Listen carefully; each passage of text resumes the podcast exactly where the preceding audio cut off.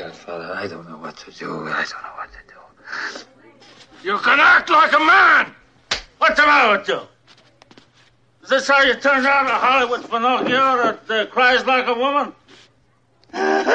what can I do? What can I do? What is that nonsense? Ridiculous.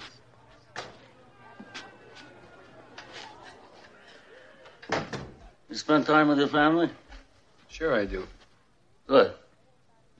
Because a man who doesn't spend time with his family can never be a real man. Come.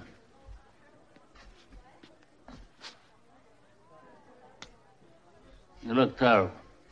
I want you to eat. I want you to rest well, and a month from now, this Hollywood big shot's gonna give you what you want. It's too late. They start shooting in a week. I'm gonna make him an offer he can't refuse. Now, you go outside, enjoy yourself, and uh, forget about all this nonsense. I want leave all to me.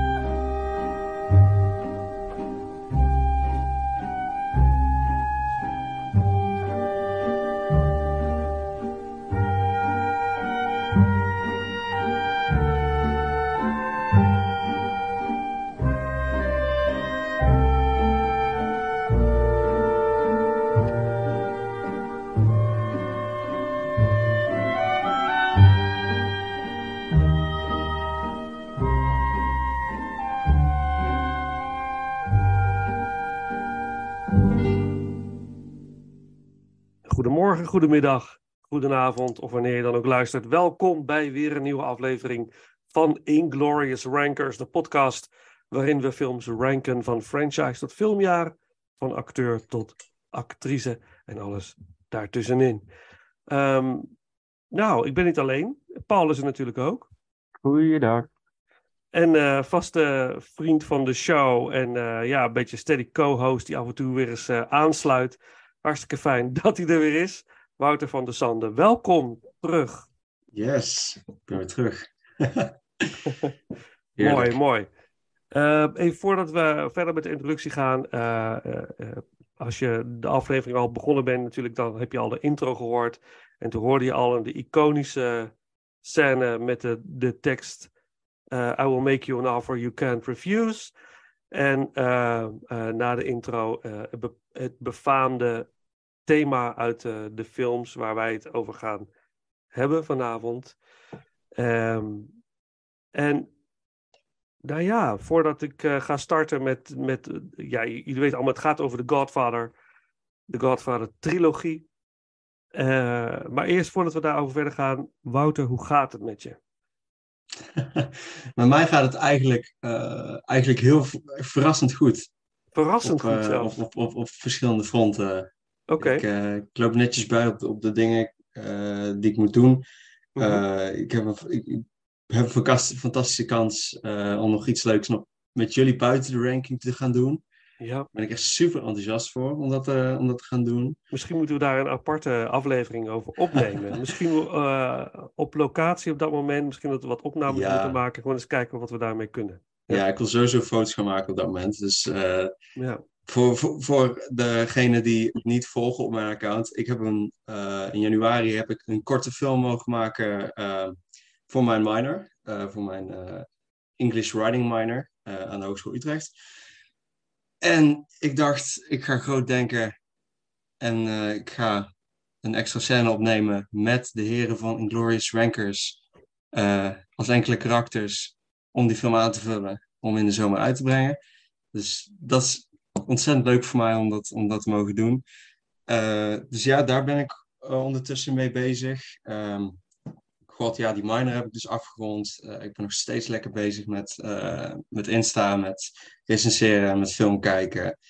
En ja, eh, daarbuiten schrijf ik ook nog eh, een eh, kort verhaal nog extra erbij. Dus het, is allemaal, het gaat allemaal hartstikke, hartstikke goed hier. wat fijn, Ja, wat je fijn. bent, je bent lekker druk bezig. Zoals Ja. we het kunnen volgen op je Instagram. Ja, Dus, eh, ja. Is alleen maar leuk om, om te zien. Super gaaf. Ja. En natuurlijk, eh, voor jou is het heel leuk, maar voor ons is het natuurlijk ook onwijs gaaf om, eh, om jou of een, om een bijdrage te leveren aan, aan, aan jouw carrière. Want dat is natuurlijk zo. Ja, maar dat is natuurlijk zo. Je, je start ergens mee. En je weet ook niet waar dat naartoe leidt, maar het is altijd wel heel gaaf om, eh, om iets van een bijdrage te leveren. Dus eh, Ja, het is gewoon super gaaf. dat jullie mee wilden doen, joh. Ja. dat vind ik al hartstikke fijn. Ja, super cool. Super cool. Paul, hoe gaat het? Ja, het gaat, eh, het gaat ook wel lekker hier. Dus eh, behoorlijk wat films gekeken. Dus we kunnen weer wat, eh, wat afstrepen, om het zo te zeggen. Ja, we blijven maar kijken. Het is Ja, dit is, is absurd, sommige Mm. lijstjes. Mhm. Eh, maar het maakt ook met momenten ontzettend leuk. Desalniettemin heel veel oud materiaal ben ik aan het kijken. Maar tegelijkertijd eh, hou ik natuurlijk ook de bioscopen bij. Ik heb de John Wick 4 gezien inmiddels. Oh, Eh, hier wil ik van het weekend even heen. Maar hoe is het wat? ja, zeker doen. Ja, dacht ik al. Kijk, simpel gezegd, ben je liefhebber van eh, deel 1 tot en met 3, dan ben je ook liefhebber van deel 4. Aha, Dit is gewoon Mooi. meer, eh, meer, meer, meer, om zo te zeggen. mooi. En eh Dungeons and Dragons heb ik ook gezien. Scoort ook goed, zag Ja. ik. Dat is echt verbazend, ja. Eh, ik, ken het spel niet. Ja, natuurlijk wel van naam. En vroeger de, de, de, de cartoonserie wat op televisie kwam, die heb ik ook wel afleveringen gezien. Mhm. Eh, maar ik vond het ook wel een, gewoon echt een leuke, vermakelijke film. Mm. Eh, en ik moet zeggen, de regisseurs hebben, hebben ook al een hele leuke andere film gemaakt. Game Night. Zo'n hele leuke comedie voor een stel vrienden die, die een spelletjesavond gaan doen, maar volledig uit de hand. Oh, Eh, dat vind ik echt een aanrader. Eh, en ze Oh, hebben ook behoorlijk het schrijfwerk op hun eh, konto, waaronder de Spider-Man eh, Homecoming. mm. Dus, eh, ze hebben echt wel eh behoorlijk wat credits. Mhm. Dus ja, dat, eh, het, het gaat lekker, eh, lekker zijn gangetje zo. Nou, mooi. Mooi. Nou, goed om te horen. en Eh, genoeg wat ik niet vertellen kan, maar dat, dat maakt het nog leuker. wat zeg je nou? nou ja, er is genoeg wat ik eh, gezien heb, eh, wat ik niet, nog niet Ja, dat klopt. Dat is nog een beetje eh, geheim. Ja, ja, ja, ja, ja. Altijd met Nou. dubbele agenda's bezig. Super, super goed. Nou, eh, vanavond eh, gaan we het hebben over eh, misschien wel, nou, misschien wel een van de meest geliefde filmtrilogieën in de filmgeschiedenis. In ieder geval voor mij persoonlijk. Dus dat, ik ben ook heel benieuwd naar jullie bevindingen en wat jullie van, van de films vinden. En of onze ranking, het zijn drie films natuurlijk, of die overeen gaat komen.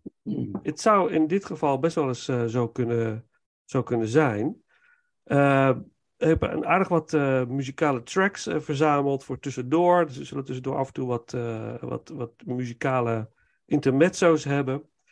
Ehm, ja, The Godfather.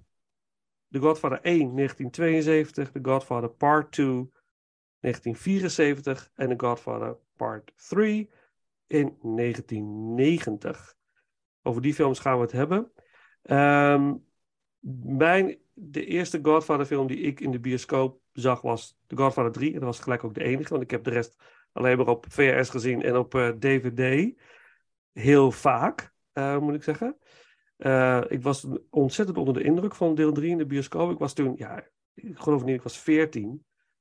Eh, dus ja, ik begreep natuurlijk geen ene hol van wat er nou eigenlijk precies allemaal gebeurde. Maar ik was wel enorm onder de indruk van eh, eh, de visuele pracht van de film. Ziet er natuurlijk ongelooflijk mooi uit. En ik was vanaf dat moment gewoon ge, door het acteerwerk van Al Pacino. Eh, daar gaan we het straks nog wel vaker verder over hebben, want hij heeft een aantal ongelooflijk goede scènes in deze derde film. En The Godfather 1, mijn eerste ervaring met The Godfather 1 was op tv. Mijn ouders waren aan het kijken en het enige wat ik me kon herinneren was het paardenhoofd in het bed. Waar ik enorm van eh, schrok. En verder die film niet meer gekeken heb daarna. Vele jaren later pas. En The Godfather Part 2, dat is echt iets van, dat, die heb ik voor het eerst gezien. Ergens in 2000, 2001 of zo pas. Dus ehm, dat is mijn, mijn eh, link met The Godfather. En, en eh, die van jou, Wouter?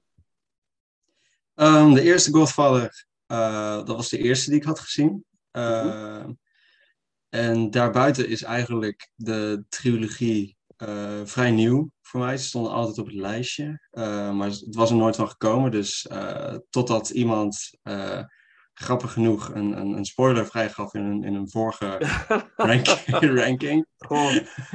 Keep reminding dus, me, my friend. dus toen moest, toen moest ik uiteindelijk wel... Nee, natuurlijk niet. Het, was, het, het, het, was het was een heel vrij unieke ervaring, moet ik zeggen. Uh, mm. Ik zag de eerste of zo ook ongeveer toen ik uh, 14 was, uh, op de middelbare school. Maar ik, ik vind zelf dat ik die film toen op, op een net wat verkeerd moment heb gekeken en op een verkeerde manier, denk Mhm. ik. Maar daar gaan we het straks over hebben. Ja, interessant. Oké, okay, oké. Okay. En Paul, jij? Nou, ik wil even aan Wouter vragen van deel 2 en 3 heb je dan later gezien? Ja, die heb ik echt nu uh, deze maand voor het eerst gezien, ter ja, voorbereiding op de ranking. Dat, dat wist ik wel op zich wel een beetje, dat het voor jou echt allemaal vrij nieuw is, om het zo te zeggen. Uh, met name dan deel 2 en deel 3, zeg maar. Ja. Dus ik ben ook benieuwd van je dat beleefd hebt. Ja, ja dat ga, daar ga ik ook zeker op in dadelijk hoor. Ja, dat is natuurlijk wel, dat vind ik ook heel bijzonder, want je bent natuurlijk een stuk jonger dan dat wij zijn. En uh, hadden het voor, dat vol, volgens mij was, bij Stanley Kubrick was het ook heel erg. Ja, bij Kubrick ja, inderdaad. Het is een beetje een gevalletje Kubrick hier. Ja. ja, maar dat je inderdaad films op een andere manier, manier beleeft. En dat uh, sluit ik bij bepaal aan. Ik vind dat, ben heel benieuwd naar, naar jouw beleving van de films. En dat vind ik echt super, uh, super leuk. Daarom is het gaaf dat jij aansluit. Want dan, uh, ja, dat is gewoon leuk. ja. precies. Dat is, ja. is, hartstikke interessant. Ja, zo is het. En, en, en Paul, wat is jouw uh, link met uh, Godfather films? Nou, ik, ik heb inderdaad, zeker de eerste twee films heb ik ooit eens op televisie gezien als tiener zijnde. En ik weet niet precies in welke leeftijd en welke hoedanigheid. Uh, ik, ik kan me ook nog voorstellen, mijzelf kennende, van dat ik ze heb gekeken met toeval of met de gedachte van wetende het is van Francis Ford Coppola. Al Pacino speelt erin en andere grootheden. Uh, dat heb ik in het verleden wel vaker gehad. Dat ik films heb gekeken puur vanuit de, de namen die ze hebben. Mm-hmm. Uh, maar niet wetende wat van classic eventueel de film is of wat voor impact ze hebben gehad. Ehm, ik weet ook dat ik de eerste kijkbeurt eh, van deze twee films eh, het, het oké vond, zeg maar. Ik, ik ben de, de liefde voor deze films zij is bij mij echt later gekomen, naarmate ik ouder werd. Eh, en ik ze ook daarna wel wat vaker gezien heb. Mhm. Maar het blijft voor mij wel een trilogie die ik, die ik op zich niet vaak kijk. Het is een beetje een heiligdom. Ja. Dat heb ik met meerdere films die ik op zich gewoon niet te vaak wil kijken. Mhm. eh, om, om ze speciaal te houden, zeg maar.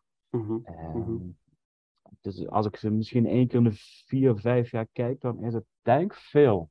Ja. Zeg maar. Ja. Ja. Eh, en op een gegeven moment komt dan ook zo'n zo'n onderbuikgevoel van ik heb weer zin om te gaan kijken naar de Godfather. Eh, een soort kriebel. En dat, dat is vooral dan mijn, mijn fascinatie met de Godfather, zeg maar. Oké, mooi. Nou, eh, de bedoeling is dat we onze top 3 gaan eh, onthullen. Van 3 naar 1. En eh, nou, ik, ben, ik ben ontzettend benieuwd. Eh, eh, eh, ik heb geen spinner eh, klaar. eh, dus eh, is er iemand die graag wil beginnen? Of zal ik starten? Wat zeg het maar. Mij maakt eigenlijk niet uit. Nee? Nee. Nou, zal ik aftrappen dan voor deze Yes. keer? Ja, oké. Dan ga ik aftrappen met eh, mijn nummer drie. En eh, nou, als die gelijk is, kunnen we natuurlijk gelijk uitgebreid eh, eh, over door. Eh, mijn nummer drie is The Godfather Part 3 uit eh, 1990. Ja. Ja. Ja. De handjes Even- gaan omhoog. Ja, alle drie hebben we nummer drie. Dus ja, nou, we zijn al, misschien zijn we eens gelijks in, deze, in dit geval. Maar, eh, nou, anyways, The Godfather 3 uit 1990. The Godfather, even oorspronkelijk is het verhaal over eh, een, een, een maffia-familie. In eerste instantie geleid door Vito Corleone, gespeeld door Marlon Brando in de eerste film. En noodgedwongen moet zijn zoon Michael Corleone eh, het roer overnemen.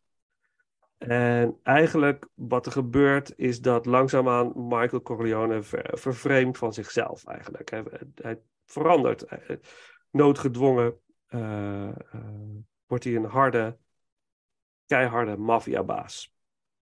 En eh, daar gaan we straks nog veel meer over vertellen natuurlijk als we het over de eerste twee films hebben. Maar in deze derde film, eh, die eh, dus veel later dan deel 2 is gemaakt. We hebben het over 16 jaar dat er tussen zit. is Michael Corleone nog steeds gespeeld door Al Pacino. een stuk ouder geworden. En in deze film wil hij eigenlijk... Ja, hij wil eigenlijk uit. Hij wil eigenlijk zich losmaken van, eh, van de wereld. En eigenlijk zoekt hij eh, eh, verlossing van alles wat hij eigenlijk heeft gedaan. En hij wordt eigenlijk geconfronteerd met al zijn daden en probeert daar, daar een plek voor te vinden in deze film. En dat maakt de film, vind ik, heel bijzonder. Die reis van Michael Corleone hierin vind ik. Het is een hele mooie afsluiter van een trilogie. Is een hele mooie karakterontwikkeling en een hele logische stap. Dat naarmate je ouder wordt, dat je eh, het probeert vrede te krijgen met je verleden. Te proberen te accepteren dat het zo is. En het eigenlijk heel graag los wil laten, maar ook beseft dat dat altijd bij je zal blijven. Dat vond ik heel mooi aan deze film.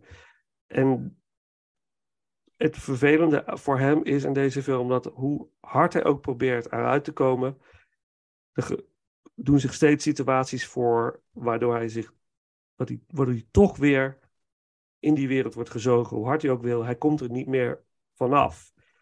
En eh, nou ja, dat, dat leidt tot hele bijzondere taferelen. En de finale van deze film vind ik ongekend cinematografisch meesterlijk gedaan.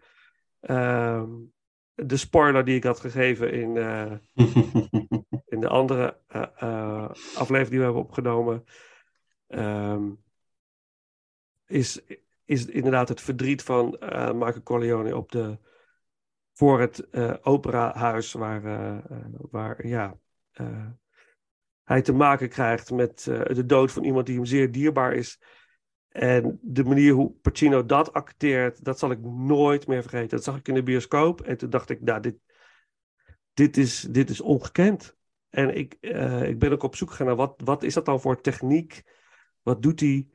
En ik heb hem een aantal keer gebruikt in, eh, op, bij theaterproducties. En, eh, en voornamelijk is dat eigenlijk.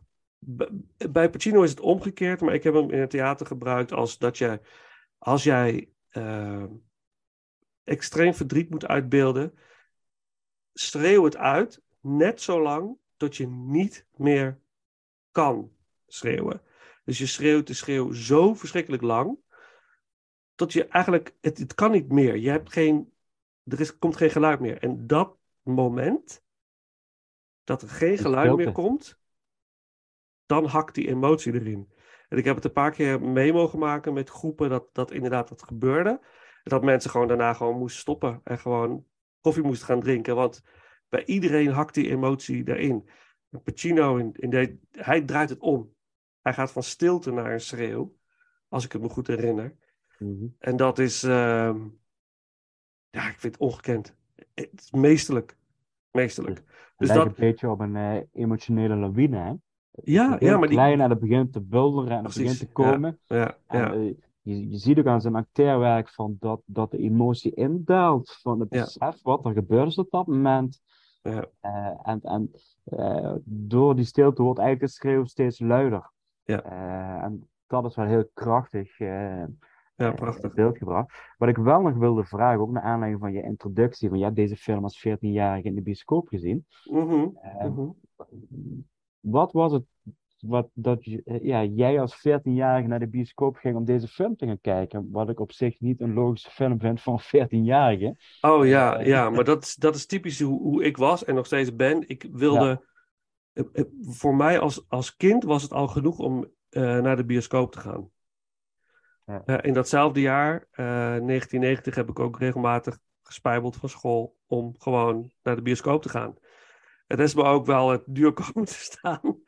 maar ik wilde gewoon in die bioscoop zijn. En The Godfather 3 draaide in de bioscoop. En ik ben gewoon gegaan met mijn zakgeld. En ik had geen flauw idee wat ik, eh, wat ik ging zien. Maar ik wilde daar gewoon zijn. Ik wilde in, daar, in, daar zijn. Eh, Dus dat Ja, is vind de, wel herkenbaar. ja, dat is de Ja. reden waarom ik dat deed. En eh, ja, toen werd ik ook overweldigd. gegeven dat je gewoon naar de bioscoop wil gaan om naar de bioscoop te gaan. Dat was het. Eh, en ik, ik ging vroeger naar de Royal Theater in Heerlen. En ja, ik vind het nog steeds een van de mooiste bioscopen die er bestaat, waar ik ben geweest. Maar gewoon die geur, die, die, die, die, die sfeer. dit- Dat is het. Ja, precies En- dat. Ik kreeg ook vaker de vraag van mijn ouders, maar waarom wil je deze film zien? Ja. Ja, dat was eigenlijk niet. eh, zo heb ik dus, om even een kleine referentie te maken naar. eh, ik heb zo ook de allereerste Dungeons and Dragons film gezien. Mhm. eh, die Oeh. enorm slecht is. Laat het er maar even Ja, zo best wel. Ja. Best wel. Ja. Maar inderdaad, met dezelfde gedachtegang van. Ik wil naar de bioscoop. Dus dan kies je ook maar een of andere B, C, D film uit. Die Ja. op dat moment draait. Maar gewoon het feit dat je kunt gaan. ja, dat is het ook. En ik, Dat ik is het. denk dat Wouter dat ook wel heeft. Eh, dat je- Ja, ik, eh, de ja dat is, van de bioscoop, zeg maar. er is wel een aantrekkingskracht. ehm, vo- vooral in het begin, denk ik wel. Dat, dat je van alles wat je, pro- van wat je bijvoorbeeld echt een leuke franchise of zo vindt, dat je daar echt alles van wil zien. Of, of van een bepaalde regisseur of zo. Dat je daar naartoe. Je zal, moet en zal daar gewoon die film gaan kijken. Maar ik, ik heb nooit echt het, het, eh, het, het gevoel gehad van ik, ik ga naar de bioscoop om de bioscoop. Ik ging naar de bioscoop als ik ook echt gewoon iets wilde zien. En dan had ik er ook, maar dan had ik ook echt een heel grote anticipatie voor om, om er naartoe te gaan. Mhm. En nu Ja. nog steeds, nu is dat nog steeds gewoon zo. Het- Dus Het, het grote verschil, eh, wat Paul heeft het over het Royal Theater. Ehm, ja, dat is toen ik jong was. de bioscopen waren theaters. Het waren. ehm, het was een avond uit. Echt dat je. Het was niet eens even snel een filmpje pakken. Je ging naar de bioscoop. Het, het feit dat je in die foyer kwam was al een beleving. Dan het lopen naar die zaal. En eh, vooral die bioscoop waar ik The Godfather 3 heb gezien. Het was een soort. Het was een soort paleis. Hè? Een soort goudkleurige stoelen. Met pilaren en een goudkleurig gordijn. Het was. Ja, het was gewoon magisch. Eh, eh, en eh, een, sterrenplafond. Het was, het was ongekend. Was, dat, dat, dat, en dat is niet meer. Ja, als je naar Tuschinski gaat in Amsterdam, heb je dat ik wil, gevoel ik wilde het nog net zeggen, ja. Ik, Ja, dat is ik, het. ik was Ja. eind 2021 was ik naar de, eh, de French Dispatch gegaan, omdat ik daar een stage had in Amsterdam. Aha. Ik dacht van, oké, dan ga ik dat nu pakken daar ook. Ja, Want nou ik ja, wil het daar van binnen Ja, eens een keer zien. maar dat is de beleving toch anders, Wouter, of niet? Dat het is was echt heel- fantastisch. Ja, dat dat- was echt heel mooi. Dat is het. En dat hadden we toen alleen maar. En dat Royal Theater ook. Eh, ik heb er wel eens foto's van gezien. Dat is gewoon, dat is ook een paleis. Het is gewoon Mhm. zo verschrikkelijk mooi. En nu is het eigenlijk gewoon een, een zwarte doos waar je in gaat zitten. En eh, desalniettemin, het, het beeldkwaliteit is fantastisch. Het geluid is geweldig. Nu, tegenwoordig. Eh, ik weet nog dat ik bij Indiana Jones en The Last Crusade zat. En dat op een gegeven moment gewoon het geluid uitviel. Oh, Ja, dat, nee. gewoon, ja, dat gebeurde ge- soms, af en toe. Snap je? Dus dat, eh, dat, dat- maar ja, soms, soms mis ik dat wel een beetje. Dat, ik, die, die, dat gevoel. En ik ga nog steeds graag naar de bioscoop.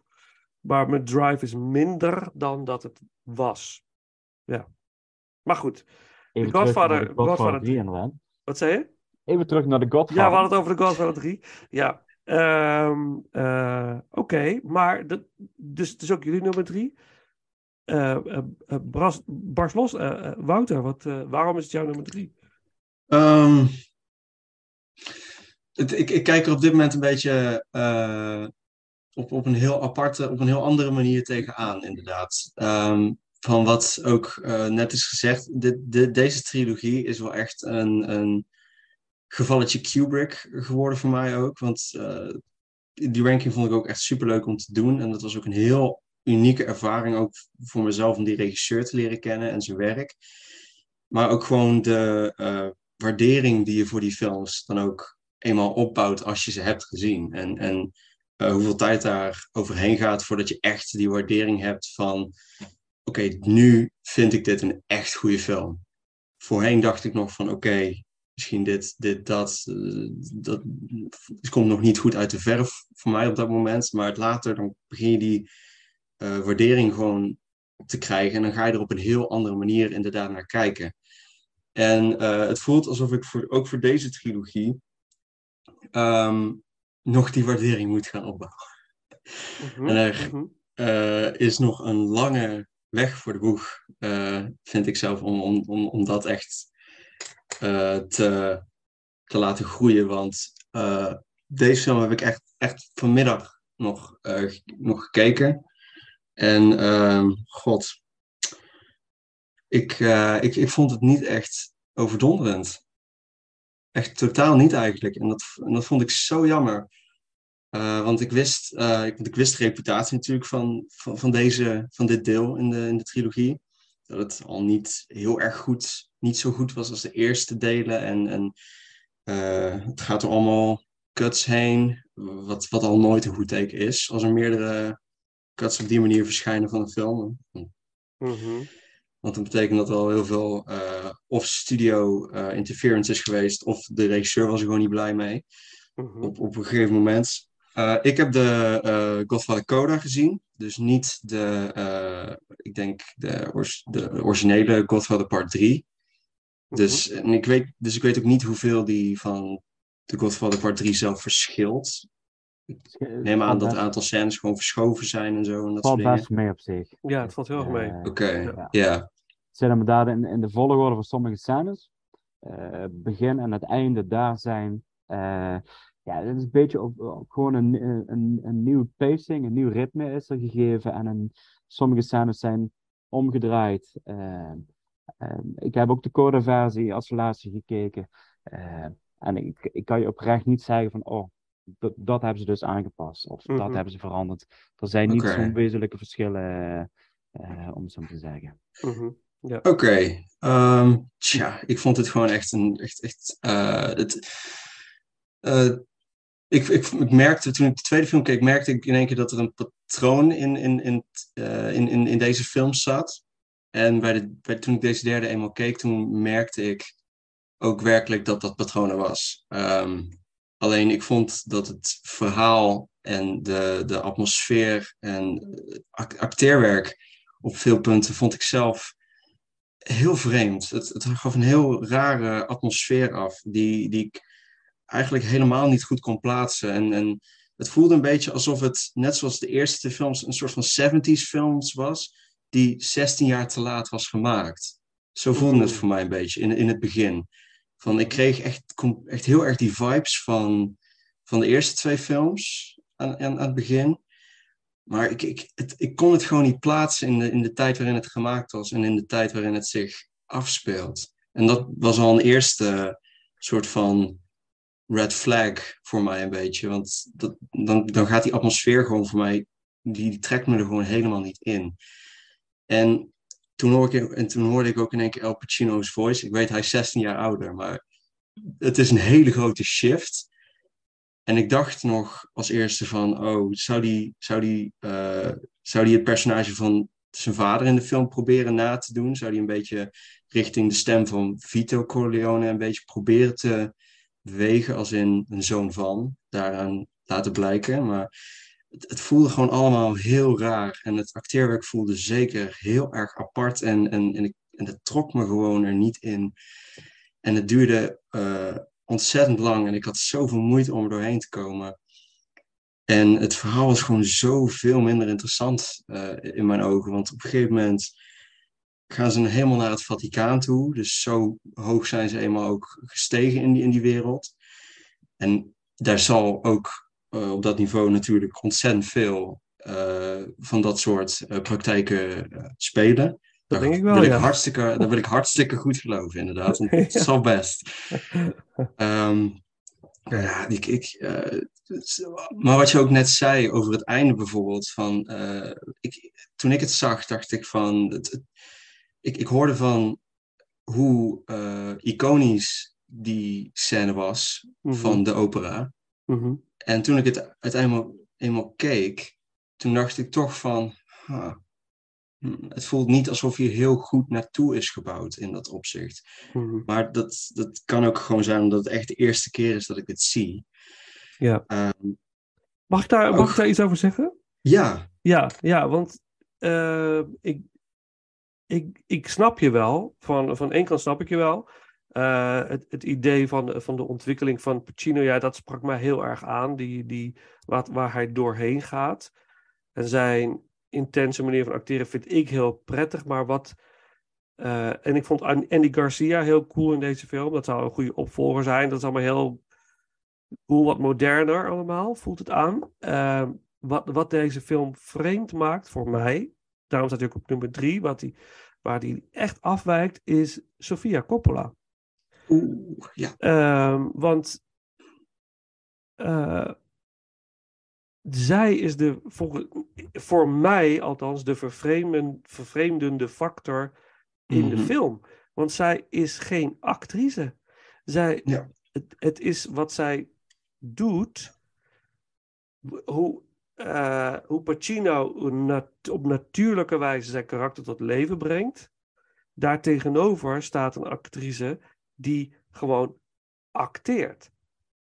En dat kon ik iedere keer niet recht krijgen in mijn hoofd. Ik Denk, ja, dat, ja het was... Het was ik geloof, ik eh, geloof dit niet. En dat, ja. dat, is, dat vervreemde, was het vervre- vervreemdende voor, voor mij althans. Ja. Ja, zij is gewoon Ja. de zwakste schakel. Ik, je? ik, ik, Ze, zij is voor, in mijn optiek gewoon de zwakste schakel. Ja, ja, ik, ik, ik, ik, nu, ja, dat, ik begrijp dat echt. Want ik vond dat echt, ik vond haar zo, nou, ik wil niet zeggen dat ze echt eh, zo ongelooflijk verschrikkelijk slecht was. Dat het, maar ik bedoel van, je merkt het wel echt. Ja. En ik kon gewoon totaal niet, Nee, ik kon nee, totaal niet vinden met haar karakter. En Nee, dat, het- het kost- goed. Het was het gewoon echt niet. En, en Het is- daardoor het is kwam het einde ook niet aan bij mij. Ja. Dat, zij, dat zij wordt neergeschoten juist. mhm. Spoilers. Ja. Dus de spoiler waar het allemaal mee begon. Maar eh, Paul, jij, jij wil eh, even reageren.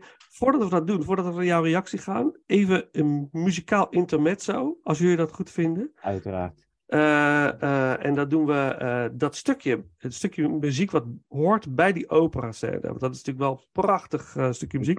Door Ja. Carmine Coppola. Eh Preghiera heet, het, heet de track. En eh, dan, Paul, zijn we heel benieuwd naar jouw, eh, jouw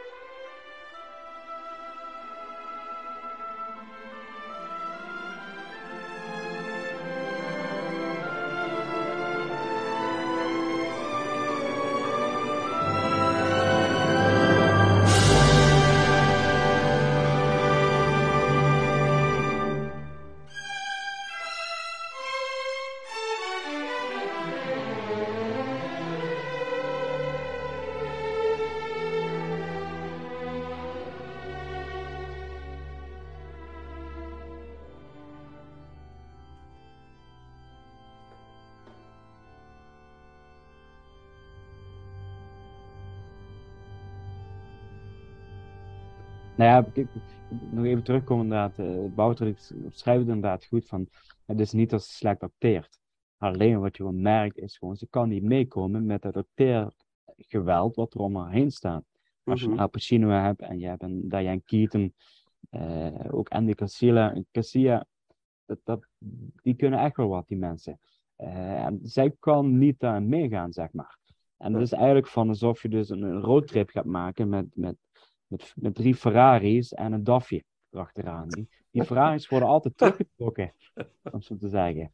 Uh, ja, je hebt toch een beetje een Italiaanse sfeer uh, blijven. Hè? Je krijgt tenslotte wel een ranking te maken die men niet kan weigeren, hè, om zo te zeggen. I can refuse. Oh, maar goed, ehm, uh, ja, ik zal ook direct even een beetje mijn, mijn, mijn visie over de derde film geven. Van, uh, en breek er vooral in, want ik vind wat interessants horen. Bij mij staat hij op de derde plaats. Het is eigenlijk gewoon om, omdat de andere twee films in mijn optiek beter zijn.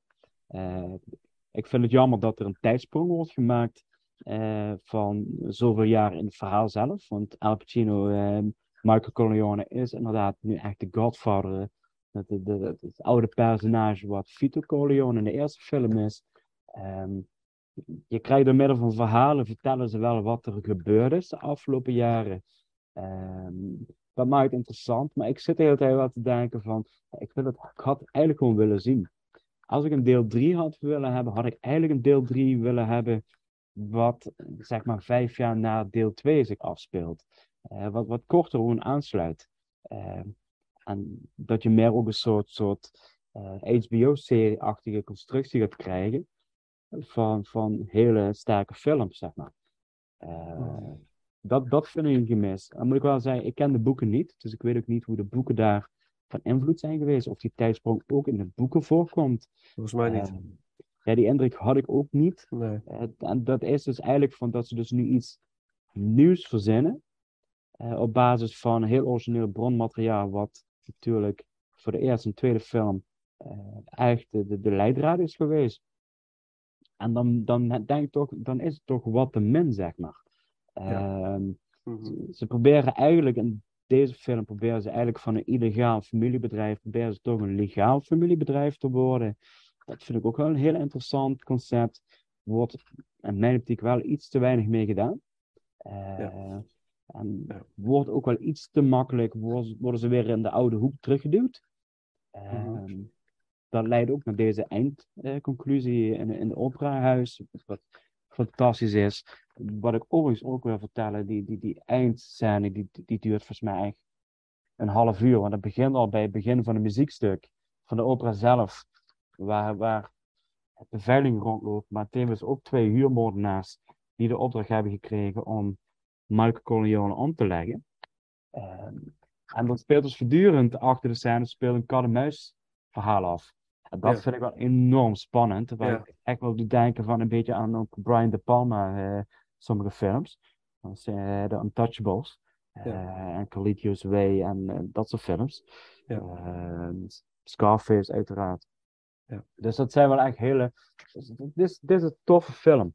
Ik, ik moet ook terugdenken aan ook wat Wouter vertelt van... ehm, Francis Ford Coppola is wel een filmmaker van de oude stempel, zeg maar. Ja. Ehm, en hij hanteerde ook bepaalde eh, oude eh, technieken, om zo te zeggen. En ook eh, ja, echt de oude vakmanschap. Ehm, dat is ook een beetje wat ik zag bij David Cronenberg bij zijn laatste film, eh, film Crimes of the Futures.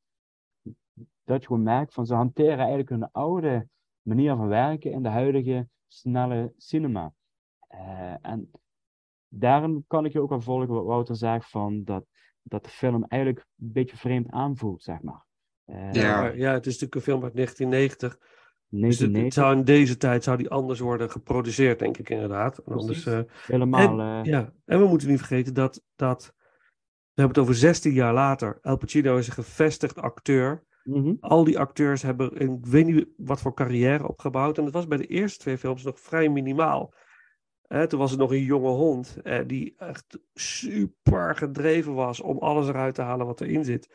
Dus hij, hij eh, had ook meer geld volgens mij geëist voor deze film, Pacino, dan dat hij eh, aangeboden kreeg. Dus er, er zat ook een heel ander spel omheen.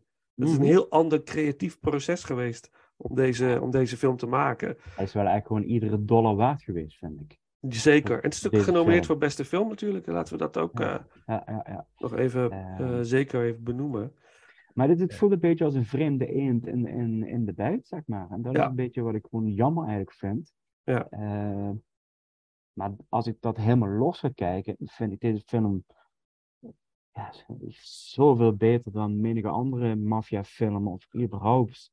Eh, de film op zich is, is, vind ik zelf ook al gewoon een, een pareltje binnen, de, binnen het grotere geheel, zeg maar. Ja, Eh, ja, ja. Omdat het wel echt een eigen smoel heeft. En het heeft wel een eigen, een eigen. Het staat op zichzelf, zeg maar. Mhm, En ik mhm. geloof oprecht van als je de eerste twee films niet hebt gezien, dat je de derde film best goed kunt volgen. Mhm. Ehm, met enige creativiteit. Eh, dus ik, ik, ik blijf het wel echt ongekend en, toch wel een vier sterren film voor mij eh, behouden, zeg maar. Ja, voor mij ook. Voor mij ook. En ja, maar het is ook. eh, ja, voor mij, eh, hij was toen overweldigend. Dat, dat gevoel blijft altijd hangen. Dat eerste keer dat je hem ziet, dat je denkt: wauw, wat dat deed zoveel. Maar Maar, ik ken wel Wouter, want de, de eerste kijkbeurt had ik volgens mij ook niet veel liefde voor deze film. Ja. Dus dit is voor mij echt later gekomen. Maar als je nu een, een, een punt zou moeten geven, of, of sterren, wat zou je ervoor geven, Wouter? Ja, ik kwam eh, echt, het, het, het verbaast me echt ontzettend. En ik heb een, ik, ik, ik moet er echt, ik, voor, deze moet ik, voor deze trilogie moet ik ook echt gewoon die, die waardering gaan opbouwen. Want als ik ook gewoon bijvoorbeeld Vincent bijvoorbeeld hoorde over, over de eindscène en, en, en, eh, en de reis van, van Al Pacino in deze film, dan denk ik toch ook weer van, ja, dat, dat, dat zag ik wel. Het, Mhm. het zit er wel in. Maar om een of andere reden komt het gewoon niet zo mooi naar buiten voor mij op dit moment. Mhm. Dus ik, ik gaf het een, een, een, een chockerende 5,5 op, me- op, op het moment. Want ik, ik kon gewoon echt niets met, het, met, met de manier hoe het naar buiten kwam. Ja. Maar het, zit, het zat er wel. Ja, Dat, dat dat, ook helemaal niet dat zeggen jullie, dat zeggen jullie ook heel mooi. Het, het zit Ja. er allemaal wel gewoon in. Zou, zou het dan, maar dit is dan meer een vraag voor Wouter, zou het echt dan toch dit ook weer het leeftijdsverschil zijn? Ja, ik denk het wel. Want wat ik ook al zei van... maar dat is een ander verhaal. nee, maar ik zei, jij zei het ook al gewoon eh, heel, heel goed, eh, Paul. Ook gewoon als uitbreiding, wat ik daarvoor ook gewoon zei. Van dit voelt gewoon echt als, als iets wat ook gewoon echt vijf jaar na de tweede had gemaakt had moeten worden, vind ik. Want dit, het, het, het, de, de, het, het gevoel wat, wat ik hiervan kreeg was inderdaad gewoon echt een, een, een oude filmmakersstempel. Die gewoon op een, op een, op een nieuwe envelop wordt, wordt, wordt gedrukt. Nou, ik En heb het- vooral moeite, maar ik- dan moet ik misschien ook iets meer naar Vincent kijken in dit geval. Van het meest recente werk van Francis Ford Coppola vind ik niet altijd even sterk. V- vind ik eigenlijk rammelen met momenten. Eh, het zijn op zich wel hele interessante ideeën ook tussen. Hij is nu momenteel ook met een vrij groot, ja, ambitieus project bezig. Waar ook vrij veel grote namen aan gekoppeld zijn. Maar ik hou er wel een beetje mijn hart voor vast. Ja, ik denk, ik Eh. denk dat, ik denk dat eh, The Godfather Part 3 en dan misschien Dracula nog daarna, Bram Stoker's Dracula, zijn laatste echte, echte, echte sterke Maar- films zijn. Dracula is natuurlijk ook echt oud materiaal. Hè, dat, dat past natuurlijk als een jas bij zijn Ja, ja maar als we, maken en maar het als we- theater gebeuren. ja, maar als we, als we het plaatsen in de tijd, in 1990, The Godfather, is het een andere tijd, met andere verwachtingen, andere, het, is anders. De, de hele filmwereld is anders. De, he- het hele, wat, men, de aan, wat aangeboden wordt is anders. Dus in die tijd had die film misschien, als hij nu wordt uitgebracht, ja, dan zou hij misschien mede, door menigeen een 5,5 krijgen. Dat zou zomaar kunnen. Ja. Snap je? Dus het is ook wat je. Alhoewel, ja, daar kan ik, moet ik wel heel voorzichtig mee zijn, want die andere twee films zijn zo tijdloos Mhm. dat. ehm, Ja, die reputatie is nu gewoon, die, die is nu te groot om, Ja, om, ze ja, echt, om, om echt zoveel negativiteit nog te krijgen. Ja, maar Dat- toch ook, ondanks de reputatie, ja, daar komen we natuurlijk zo op, over, op, die, op de andere twee. eh, maar, dus ja, het is, het is, maar goed, het is oké. het, is, het is- het is al ja, ik bedoel, dat, En, dat, eh, ik- ja, ja, ja jullie, jullie zeiden het zelf ook al gewoon. Eh, dit, dit, dit, dit is ook gewoon iets wat, wat dan inderdaad dan gewoon, denk ik, met tijdsbeeld, leeftijdsverschil van, van mensen die er toen anders naar keken dan bijvoorbeeld mensen van mijn leeftijd nu. Mhm. Eh, want ik, ik heb echt niemand van mijn leeftijd die hoor ik hierover praten, bijvoorbeeld, of zo. Of, of, of huh, Godfather Part 3, huh? wat is dat? Ja. Ja, is- terugfilms. Ja, de eerste sowieso. Dat, dat, Ja, dat, dat, dat heeft iedereen gezien. Gelukkig. Dat, dat, dat Ja. is gewoon onmogelijk als je dat nog niet hebt gezien eh, op mijn leeftijd. Dat, maar Het kan eh, hoor, het kan. het, het kan, het kan. Maar ik bedoel van, eh, ja, gewoon hoe andere, hoe andere generaties daar tegenaan kijken, denk ik. En misschien ga ik hier over, weet ik veel, over 20 of, of, of 25 jaar ook weer heel anders naar kijken. Omdat ik dan met jullie hier, hier mooi over heb kunnen praten en Ja. gewoon andere Ja. inzichten heb kunnen opdoen. Bij deze over 20 jaar doen we een, eh, nieuw een aflevering. Dan ben ik stok oud. dan ga ik En met pensioen. stokoud. Ja, ga ik met pensioen en dan komen we nog één keer eh, bij elkaar om dit nog een keer te bespreken. De Maar laten we, laten we vooral doorgaan naar de volgende film in de reeks. Voordat we dat doen, even een stukje eh, muziek, een track uit 1928. Wat wordt gebruikt in de eerste Godfather film. heet Manhattan Serenade. Echt eh, heerlijk stukje jazzy eh, eh, muziek. En dan de nummers twee. En dan zal ik aftrappen.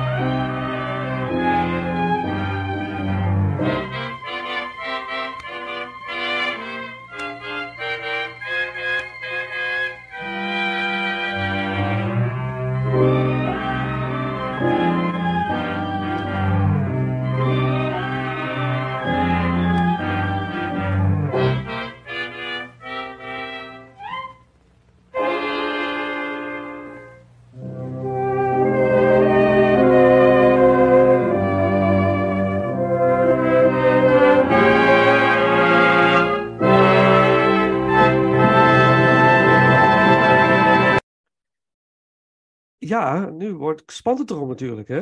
Ja, nou, mijn nummer twee is The Godfather uit 1972. Dus de eerste film.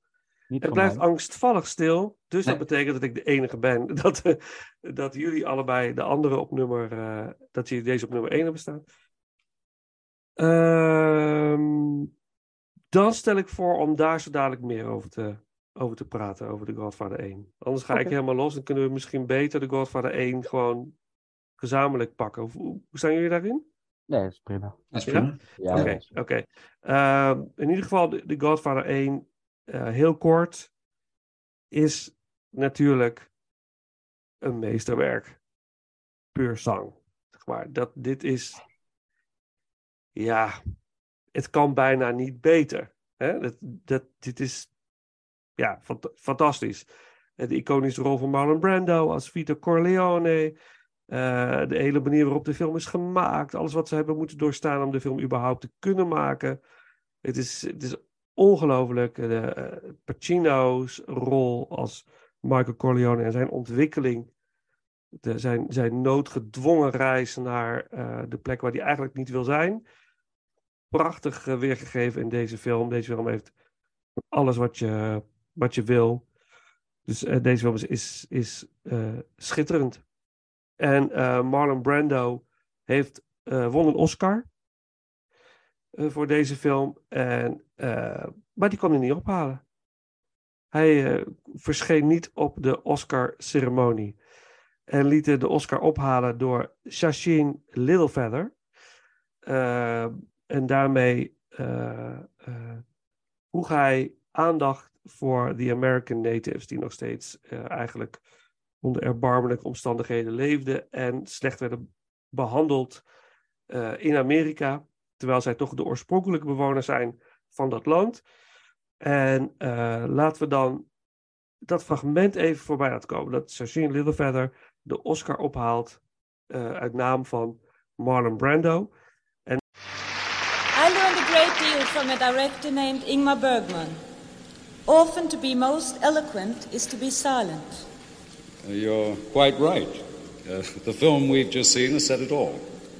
I think we should uh, say that those nominated for the best performance by an actor are Marlon Brando in The Godfather, Michael Caine in Sleuth, Laurence Olivier in Sleuth, Peter O'Toole in The Ruling Class, Paul Winfield in Sounder. The winner is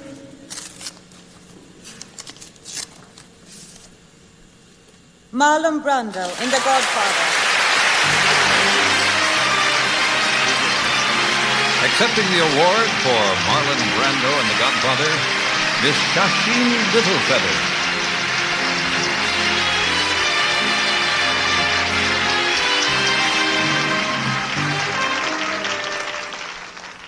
Hello, my name is Sasheen Littlefeather. I'm Apache, and I am president of the National Native American Affirmative Image Committee.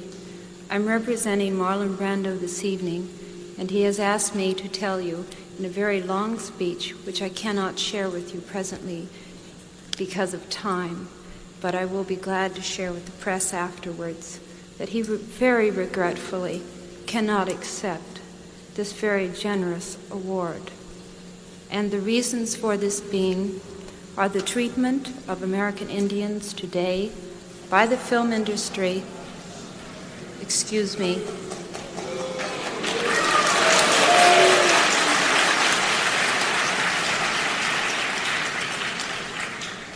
and on television in movie reruns, and also with recent happenings at Wounded Knee. I beg at this time that I have not intruded upon this evening, and that we will, in the future, our hearts and our understandings will meet with love and generosity. Thank you on behalf of Marlon Brando.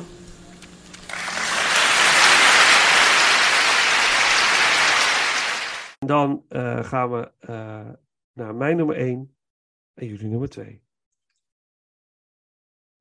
Nou, dat is denk ik gelijk van wel. Dan mogen jullie los op deze film.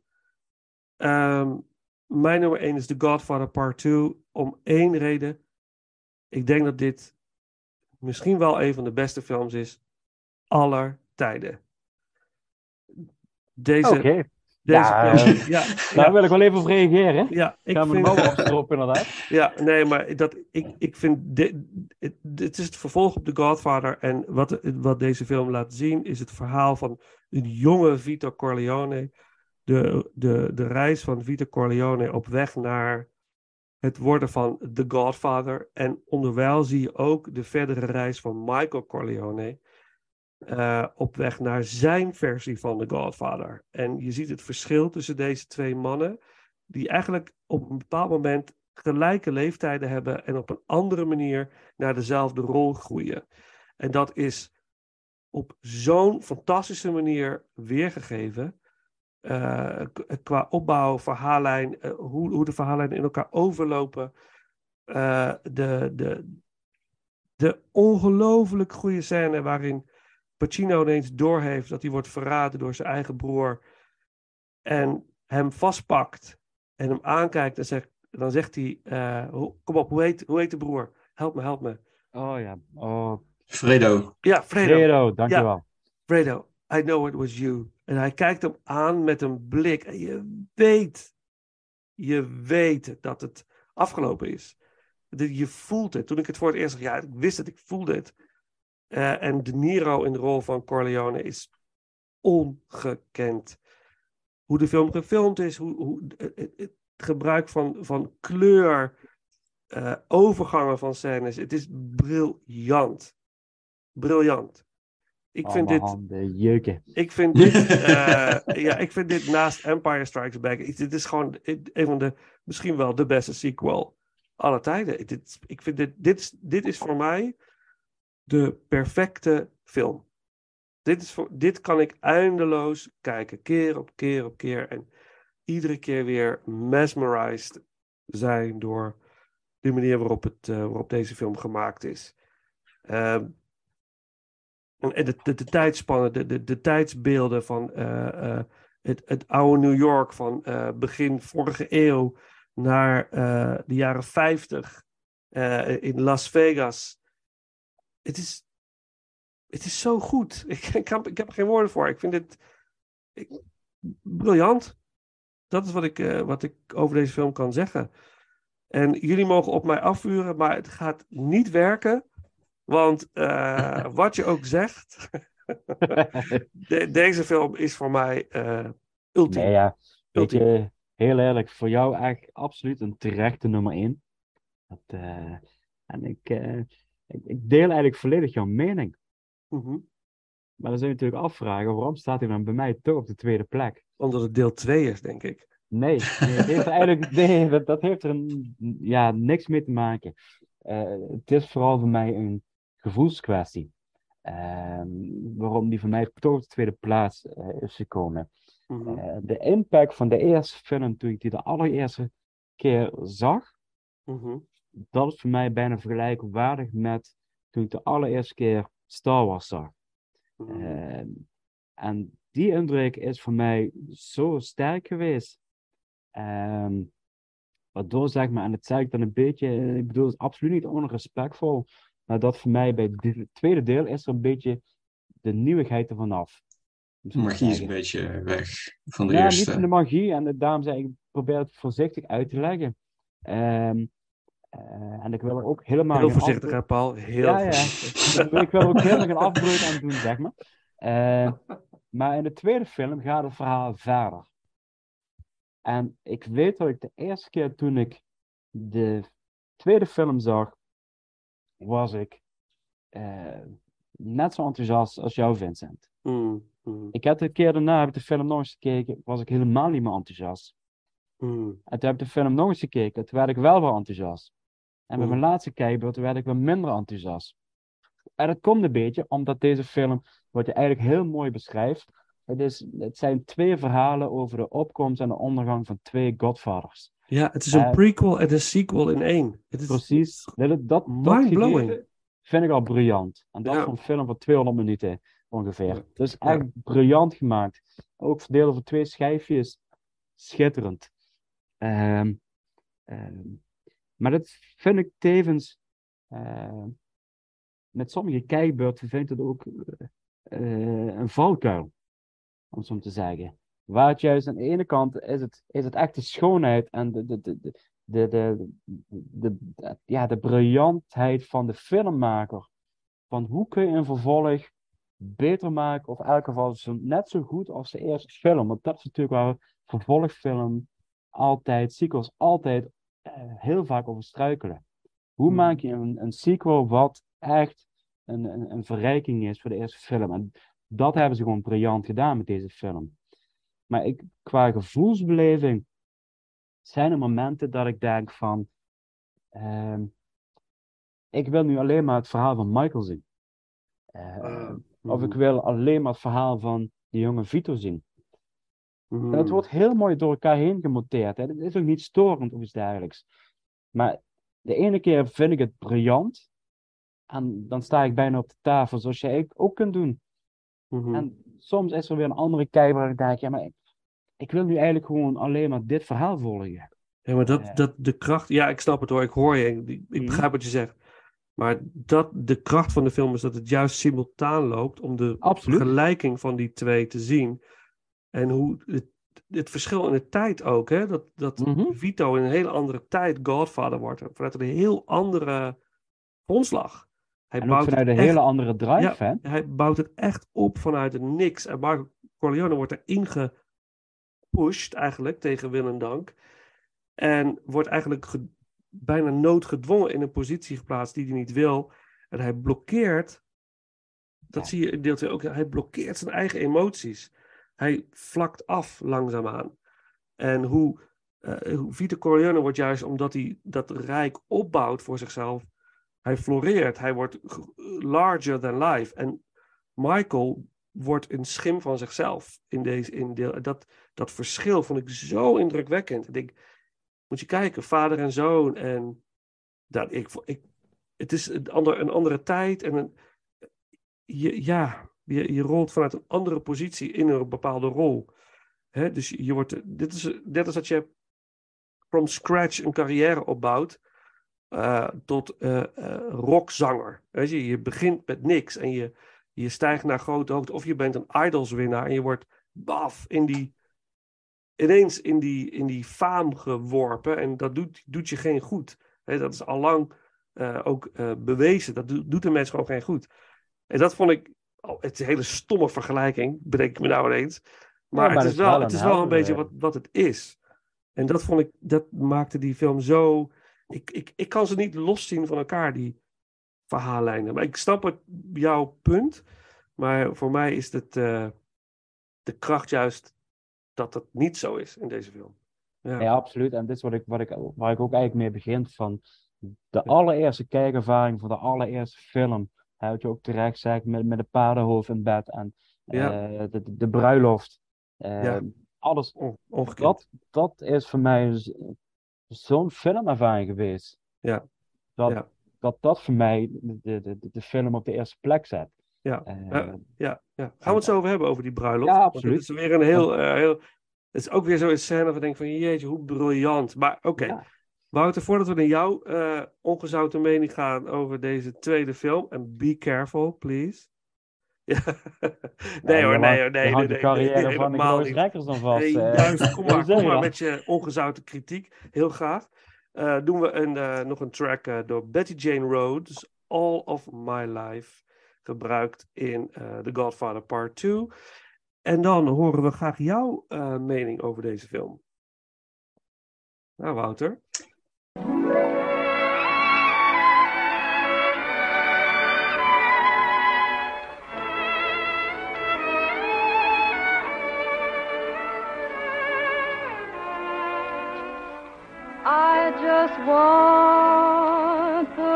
To love you all of my life. Just the right to take care of you all of my life.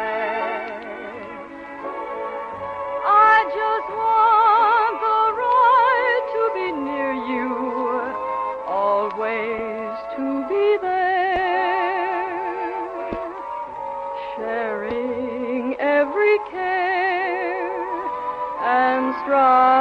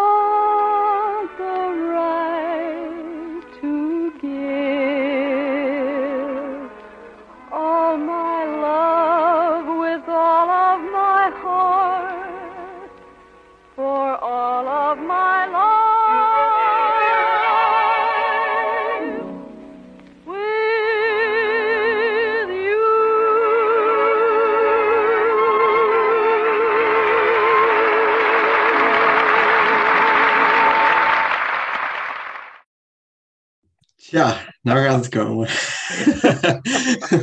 Nee, feel Nee. free, feel free. Ehm, nee, dit, ehm, alles wat jullie net hebben gezegd, bewijst maar gewoon weer eh, op wat we gewoon al eerder hebben gezegd. Ik moet echt meer waardering voor deze films gaan opbouwen door de jaren heen. Want alles wat ik hoor, dat als ik daar nu aan terugdenk, dan herken ik dat wel. Ja. En als ik dan ook naar eh, jouw pleidooi heb geluisterd, Vincent, naar waarom dit zo'n fantastische, legendarische film is, misschien wel de beste out there, dan eh, moet ik toch wel weer denken van, als ik dat hoor, dan maakt het voor mij die film ook weer mooier. Oh, Want dat is gaaf. hoe je, het, hoe je het omschrijft, hoe die twee verhaallijnen eh, bij elkaar komen in dat opzicht. Van natuurlijk de opkomst van Vito Corleone en de, de downfall van, van, van Michael Corleone. Hoe je dat zo nu net omschrijft, dan denk ik toch weer van, ja, zo voelt dat wel. Mhm. Want ook gewoon in atmosfeer, en dat was ik vergeten te, te, te, te, te benoemen bij, bij de derde film. Als ik daar dan ook aan denk, aan, aan die echte downfall van Michael. Dat het verschil wat ik heel erg merkte was eh, hoe anders in atmosfeer de, het, het prequel gedeelte was ten opzichte van het echt neerslachtige van het sequel gedeelte. Er is een, een, een ik ben, ik ben echt, bij mij staat natuurlijk The Godfather dan ook nummer één. Standaard, Ja. uit- uiteraard. en hebben, de ja. atmosfeer die, die ik daaruit haalde was ook echt heel anders dan, eh, dan, dan wat ik verwachtte, wat ik in twee zou zien. Mhm. Maar in het prequel gedeelte zag ik dat dan wel weer juist heel erg terug. En ik dacht daarom juist meer van, oké, ik vind dat prequel gedeelte wel wat leuker. Maar nu je het allemaal zo omschrijft, dan begrijp ik dat neerslachtige van het sequel gedeelte ook weer heel goed. Mhm. En dan ook weer die rare atmosfeer in het derde deel ook. Want dan zit hij natuurlijk echt helemaal op dat dieptepunt waarbij hij helemaal dat, dat, die, die, die, die schuldgevoelens uit, uit moet gaan gooien. Ja. Dus aan de andere kant begrijp ik het derde deel ook weer meer op dit punt. Maar dit, de, deze film voelde gewoon eh, voor mij, waarom het op de tweede plek staat, is omdat het gewoon eh, ook in het sequel gedeelte wat te herhalend voelde van wat het eerste film deed qua structuur. En dat merkte ik in de derde ook weer. En het, het begint altijd met een feest. Het begint altijd met een feest. En dan nu met de, de, de communie van zijn zoon, van, van Michael's zoon. Ja. Er komt heel veel familiezaken weer bij kijken. En dan komt er, wordt er een groot plan onthuld van wat er momenteel gaande is. En, en op het einde, en, ja, dan, dan werkt het zich gewoon naar een punt waarop er heel veel complotjes weer komen. En er worden aanslagen op mensen gepleegd. En op, op, op het eind dan wordt iedereen die gewoon Michael in de weg zit, wordt gewoon vermoord. Dat is het gewoon. Dat was de eerste film, dat is de tweede film, dat is de derde film. Dat is gewoon een standaard formule die erin zit. En, en dat maakt ook wel een beetje dat het sequel gedeelte voor mij ook gewoon een beetje die, zoals Paul het ook al een beetje aan het begin zei, denk ik, toch weer net wat minder voelt of zo. Dat het, dat het daardoor net wat minder wordt of zo. Het, het heeft dan niet meer een soort die, die, die ja, magie of zo. Of, of hoe, ik weet niet meer precies hoe je het omschreef, Paul, maar het was in dat, in dat opzicht dat het niet meer, niet meer echt hetzelfde was. Of zo. Dat het dan weer net iets minder, dan weer net iets meer. En dat, dat, dat merkte ik in deze film wel, maar het, het was wel gewoon zozeer dan de, de verhaallijnen die bij elkaar kwamen, die het gewoon echt heel goed maakten. En het, het verhaal zelf was wel veel, eh, ja, net, nog net intrigerend genoeg om je echt gewoon goed vast te houden. Ondanks dat het nog wel redelijk moeilijk was op sommige punten. Van wat waar nou vandaan kwam, en welke complotjes er nou met wie werden gesmeed. En welke regeringen er dit keer bij betrokken waren en alles. En god, dat was echt even een puntje om even doorheen te Ja, komen. het imperium wordt groter. Het imperium wordt Het groter, groter, inderdaad. groter dan Corleone zelf. Dat, dat nekte me. Ja, te, te, te, te groot voor hem om, om, om nog echt aan te kunnen in de staat waarin hij zichzelf emotioneel ook bevindt. En dat, Ja, en dat is echt, Ja. dat, dat maakte deze film voor mij nog gewoon echt een tweede plek waardig. Omdat het gewoon wel echt gewoon nog goed aan die kwaliteit zit die, die, die het kan matchen met de eerste film. Mhm. Maar toch gewoon qua structuur dan weer nog net wat te herhalend is om, om het gewoon echt weer nieuw, echt, echt weer een soort van nieuw sequel gevoel te geven. Mhm. En misschien dat dat eh, een beetje was wat Paul bedoelde aan het begin ook van. Het is net een, een, het is net een ander gevoel. Het is, de sequel voelt nog net niet nieuw genoeg om het echt de, de, or- het original te laten overtreffen misschien. Mhm. Maar het houdt zich wel netjes op, op, op, op, die, op, die, op die lijn, op die, Ja, eh, ja, op die kwaliteit. de film op zich is, is, echt, een, is echt een briljantje. Is echt een parel. Eh, en ik geloof ook oprecht, als dit de allereerste film was geweest, dat je Ja. zo erin wordt gezogen, dan, dan zal die van, van mij die indruk hebben achtergelaten wat nu de eerste film heeft gedaan. Ja, precies Eh, dat. omdat je dus een vervolgfilm kijkt, en, en of het nou, nou John Wick is of wat, je weet altijd bij een vervolgfilm, je weet precies wat je gaat krijgen. En je hoopt juist dat je verrast wordt. Maar de elementen, de basiselementen zijn bekend. Dus dat, en dat was voor mij wel een beetje van, je, stapt weer in de bekende wereld, dus je hebt een bepaalde voorkennis, een bepaald voorgevoel. Eh, en dat, daar had ik, eh, eh, dan, dan is die complete verrassing, die, die, die, die, die- dat, dat je helemaal over, helemaal over, eh, overdonderd wordt, is dan gewoon minder. Ik denk daar toch anders over. Ja, maar, dat is- maar het, ik, voor mij was het wel een verrassing. Ja, ja, maar do- juist door de opzet ja. eh, van juist van het sequel en de prequel gedeelte, dat ze juist daar zo'n hele cre- creatieve draai aan hebben gegeven, dat maakt inderdaad voor mij het echt dat je, dat je, dat je misschien niet een, een me- twee meter in de lucht springt, maar een meter in de lucht springt van, Ja. van enthousiasme.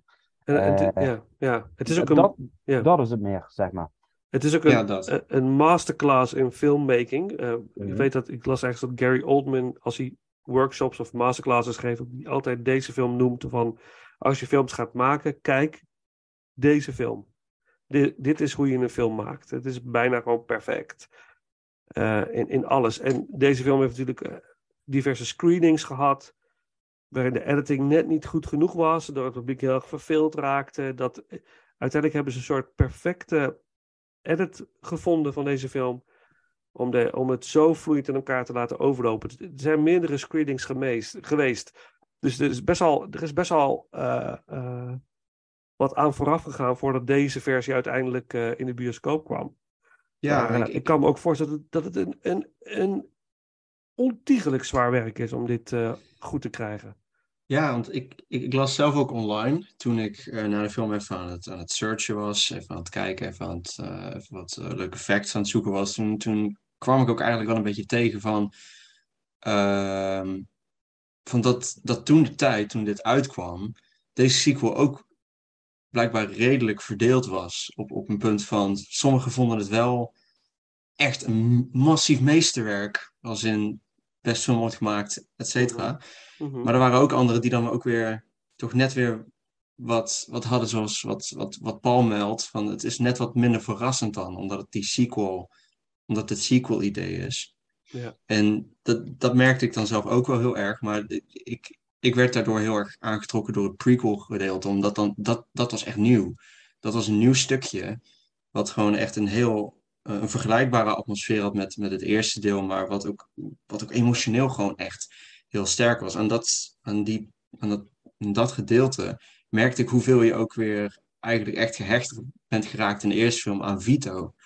Want ik vond het echt ontzettend cool en interessant. En, en om, om te zien hoe hij dat imperium vanuit het niets inderdaad heeft opgebouwd. Hoe die daar eh, in Sicilië eigenlijk alles verloor. En dan gewoon naar Amerika komt, daar niks heeft. En gewoon echt helemaal zijn imperium opbouwt. En echt props Ja, aan, maar ook, aan, aan Robert De Niro. Echt Ja. waar. Die heeft het zo fantastisch gedaan. ja, maar ook hoe, hoe, hoe ehm, je begrijpt het karakter van Vito Corleone in deel 1 Ja. ook beter. Waarom hij zo relaxed is, waarom hij zo eh, charismatisch en overtuigend Precies, is. Is omdat hij, dat hij, hij doorleeft alles. Hij heeft alles doorleefd. Hij weet precies waar hij het over heeft. Hij doorziet iedereen. Snap je? Dat, eh, ja, dat is zo mooi. eh, die opbouw is zo mooi weergegeven in deel 2, waardoor je dus Brando's versie ontzettend goed begrijpt ineens. Ja. Vond ik echt briljant. Ja, ik merk gewoon dat ik heel erg eager ben om deze film te verdedigen. Nee, maar het, is- het, Het is, is ook als bij toch? Empire Strikes Back altijd zo. denk ik van, nee jongens, dit is een meesterwerk. ja, Raiders of the Lost Ark ook. Zeg, nee jongens, dit is masterclass eens. film maken. Ik Ja. Maar het is ook gewoon hartstikke goed. Ja, Ja. ik heb dat zelden hoor bij films dat ik zo gedreven ben over, dat ik zo ontiegelijk enthousiast ben over. Ja, dat komt dat, dat ik gewoon weggeblazen werd toen ik er voor het eerst zag en nog steeds. Maar het kan ook voor mij het Ja. stemmetje de- wisselen zijn, hè? Ja, Misschien, misschien als, als we deze opname een half jaar later hadden gehad, ja. Is weer net iets anders. was het misschien zou omgedraaid. kunnen. Ja, ja. En over, over 20 jaar natuurlijk. Gaan we eens kijken. Uiteraard. Dan ga ik je er ook aan houden, hè? Ja, ik je ook Ja, aan ik, houden. ik vind het prima. Even agendas pakken daarbij. Ja. ja. We hebben in ieder geval 2000 afleveringen in Glorious Rankers gemaakt inmiddels. Ja, minimaal. nee, fantastisch. Nee, maar ik, eh, ik, ik hoor wel jullie liefde voor deze film. En dat is natuurlijk ook fantastisch. En ik denk ook, mensen, als je de film niet hebt gezien, begin gewoon altijd bij deel 1. Kijk deel 2 en dan 3. Hou die volgorde wel aan. Ga niet beginnen met een prequel. Maar hou de volgorde aan van de films zoals ze zijn gemaakt. Want dat maakt de tweede film juist krachtiger. Omdat je eerst deel 1 moet zien. Dan, eh, eh, maar goed, eh, we gaan naar deel 1, denk ik. Jullie nummer 1, mijn nummer 2. En doen we een stukje muziek uit The Godfather Part 2, The End Titles, door Nino Rota, die deze prachtige muziek heeft gecomponeerd. En dan, nou,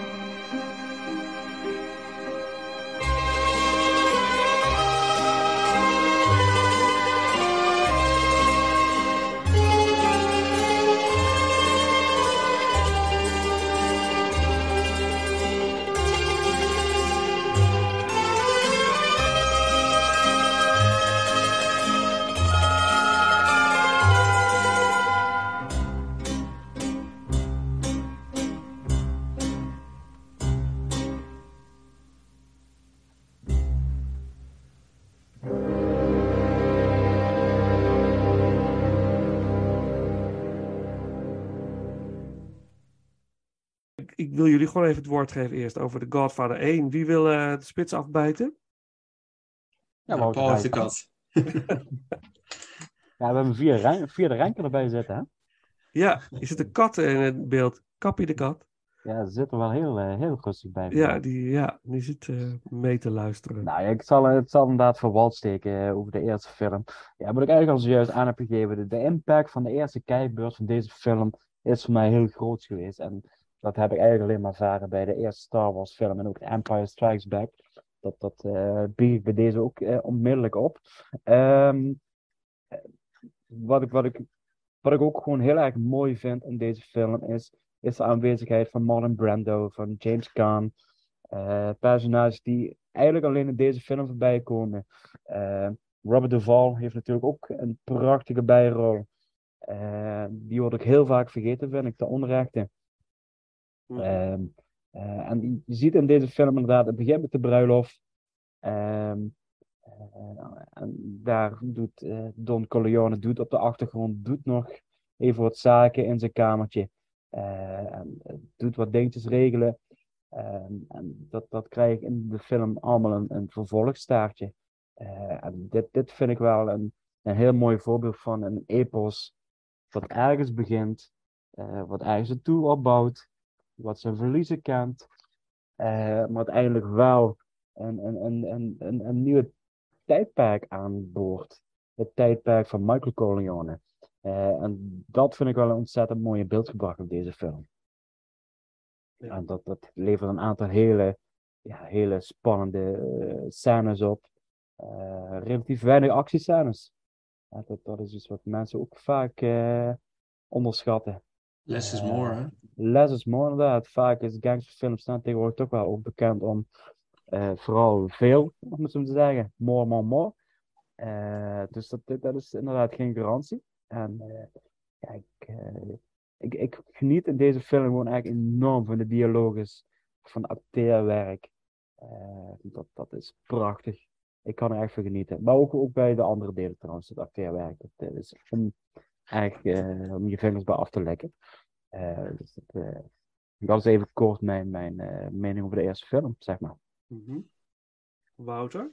Tja, nou, ik, heb juist, ik had juist het, het, het tegenovergestelde. Want ehm, de eerste keer dat ik de, de Godfather keek, eh, en wat ik ook volgens mij aan het begin van de aflevering ook al zei, van ik denk dat ik deze film eh, op, op een verkeerd moment eh, heb gekeken, eh, met verkeerde verwachtingen en eh, op een compleet verkeerde manier.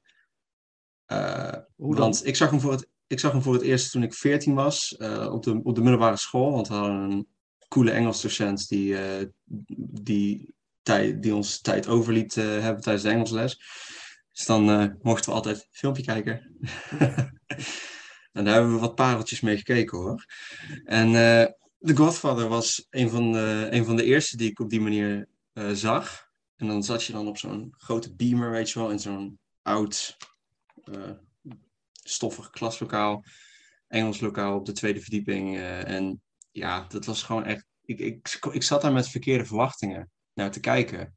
Omdat ik toen ook al natuurlijk enigszins mezelf begon te ontwikkelen in, die, in dat filmwereldje. En dan, dan krijg je te horen van: oké, dit is een van de beste films ooit gemaakt. En, en dan ga je die verwachting ook krijgen. Maar ik zat toen helemaal in die. Ja, ik zat toen echt letterlijk in die Marvel-sferen. Van, van, van, dat was toen ook echt aan het opbouwen. Dus dan ga je daar echt heel andere verwachtingen van creëren van jezelf. Van wat is nou de beste film ooit gemaakt? En ik zag het eh, in, in, in drie of vier delen. Want natuurlijk, eh, het, je vult die les nooit natuurlijk helemaal met die hele film. Dat is onmogelijk. dus opgedeeld, verschrikkelijk eh beamerscherm, met compleet verkeerde verwachtingen zit je daar naar een film te kijken die eigenlijk gewoon echt een meesterwerk is. En ik zag hem, en ik heb hem sindsdien toen nooit meer gezien. Maar toen de 50th anniversary kwam, toen heb ik besloten ik hem toch nog in, in, in, de bios te pakken. En toen was het echt helemaal anders. Toen zat ik er echt in. Toen was, werd ik er helemaal ingezogen. En op verschillende scènes moest ik ook gewoon, gaf ik gewoon echt, wat heel eh, zelden gebeurt, gaf ik echt gewoon die, die smile van, ja, dit is waarom ik van deze film hou. Dit is heerlijk. En, en dan geef ik echt die, die, eh, die, die hospital scene. eh, geef ik echt dat ze daardoor voor die deur staan met die, met die bak, met Enzo de bakker. Dat, dat gaf me zo'n smile. Dat was gewoon. Toen realiseer daar in de bios realiseerde ik me echt van hoe goed deze film wel niet is. Cinematografisch, meesterwerk. Marlon Brando is fantastisch. Eh, natuurlijk Al Pacino ook. En alle andere castleden. Ze geven fantastische performances in deze films. Ze, laten, ze geven heel duidelijk weer wat hun karakters zijn. En ook waarom en hoe die ook gewoon werken in dat systeem. En, en wat voor persoonlijkheden ze hebben. En waarom ze daar om die reden wel of niet passen in, in, in de stoel als Don van de familie. En ja, het is gewoon fantastisch. Ook gewoon eh, de, de, de, de muziek die past er gewoon fantastisch bij. En ja, dit, de emotie die gewoon in deze film zit, die pakt me gewoon nog net iets meer dan, eh, dan in het tweede deel. Vandaar dat die ook op nummer 1 staat bij mij. Want dit, dit is gewoon zo'n fantastisch mooi opgebouwde film. Eh, het is compleet nieuw. Eh, je, je wist nog niet waar je aan toe was met deze film. Dus vandaar dat het gewoon ook een grotere impact heeft. Want ja, dit is natuurlijk volgens mij de eerste waar mensen naartoe gaan als ze horen The Godfather. Ja, Paul. Je, mi- je microfoon staat uit. Sorry, mijn microfoon stond even uit omdat ik het nieuws serieus even moest snijden. Ehm, ik wil wel even één dingetje wil ik even, wel even aanhalen, wat Wouter echt ontzettend mooi beschrijft. Eh, is van dat je, dat je op een gegeven moment een, een bepaalde filmklassieker gaat kijken. En dit misschien, het hoeft niet per se de eerste keer te zijn, het kan ook de tweede keer. Maar dat je ineens dat kwartje valt en dat je ineens begrijpt van, nu snap ik waarom dit een klassieker is. Dat vind ik zo'n prachtig gevoel. Ja. Ja, echt, joh. En ik heb het nog steeds als 40-jarige, dat ik soms op de bank zit en dat ik op een gegeven moment een film kijk. eh, dat, dat je ineens denkt, oh, het kwartje valt ineens. Ja. En ik, ik zeg altijd van mensen, je bent nooit te oud om dit eh, mee te maken. Nee. Maar Dat dat- is ook, ja. ja. ik wil het even aanhalen, want ik, je, je omschrijft het Ja. heel mooi. Eh, maar dat, dat is wel ook iets wat voor mij de, de, de liefde van film zo mooi maakt. Van je kunt de film al tien keer hebben gezien. En op een gegeven moment die elfde keer, dan valt gewoon ineens het kwartje. En ik had vooral Stanley Kubrick bij, bij twee films. eh, Ja. misschien de leeftijd ineens had. En ik ineens, nou, ja, gewoon levenservaring en noem maar, maar op. En dat je denkt, oh wauw. Wauw, nu snap ik het. Waarom mensen zo hyper zijn over deze film en zo enthousiast. Ja, Ja. precies, joh. Dat Dus wou ik even, even aanhalen. Omdat je Ja, om, Ja. heel om, concreet. voor- om daar nog een kleine anekdote bij, een kleine anekdote nog aan toe te voegen. eh, ook gewoon met die Stanley Kubrick ranking inderdaad. 2001, echt waar jongens. Dat, die geeft me nog steeds die smile. En ook gewoon wat me ook zo hard verraste toen eh, eh, Casablanca op, op 4K uitkwam. En ik hem uiteindelijk hier toch weer eh, heb mogen kijken. Wat een film. Echt Ja. prestige filmmaker is dat zeg. Ik had het ook bij Blade Runner. Die kon ik ook eerst niet waarderen als, als, als jonge gast. En op een gegeven moment Ja, ineens dacht ik, oh mijn god, dit is een van mijn favoriete films ooit geworden, zeg maar. Dat is, dit is, dus waanzinnig, ja. Je zegt het heel mooi. We gaan zo verder over deze film. Even een stukje muziek tussendoor. Er zit één muzikaal nummer op de soundtrack, of een, een, een, een nummer met een, wat, waarin wordt gezongen. Eh, I Have But One Heart door Marty Symes. Eh, volgens mij gebruikt tijdens de bruiloft, aan het begin van de film. En dan eh, gaan we daarover verder. I have but one heart, this heart I bring you. I have but one heart to share with you. I have but one dream that I can cling to. You are the one dream I pray comes true. My darling, until I saw you, I never felt this way, and nobody else before you ever has heard me say, You are my one love. My life I live for you. I have but one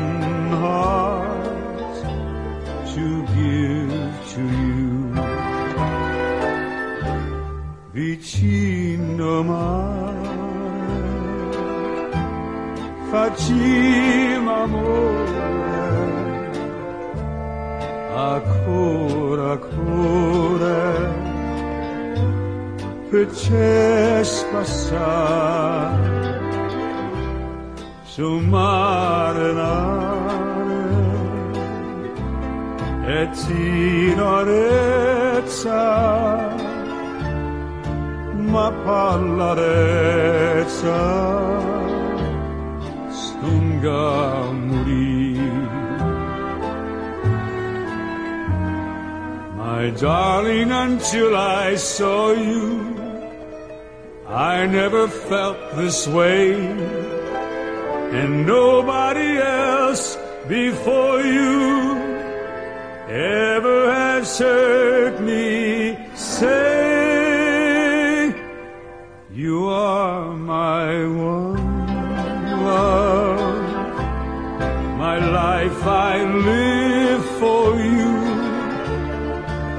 have but one heart to give to you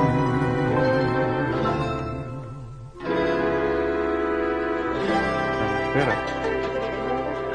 Ja, want de bruiloftscène, die duurt echt een half uur of zo. Ja. En het, het- dat vond ik in deze film, ik, ik, dat ik, ik Zit er verbaas echt me iedere keer van hoe verschrikkelijk knap het is Maar gemaakt. hoe doen ze dit toch? Dat vraag ik me eens af. Want dat hebben dus ook bij de Deer Hunter.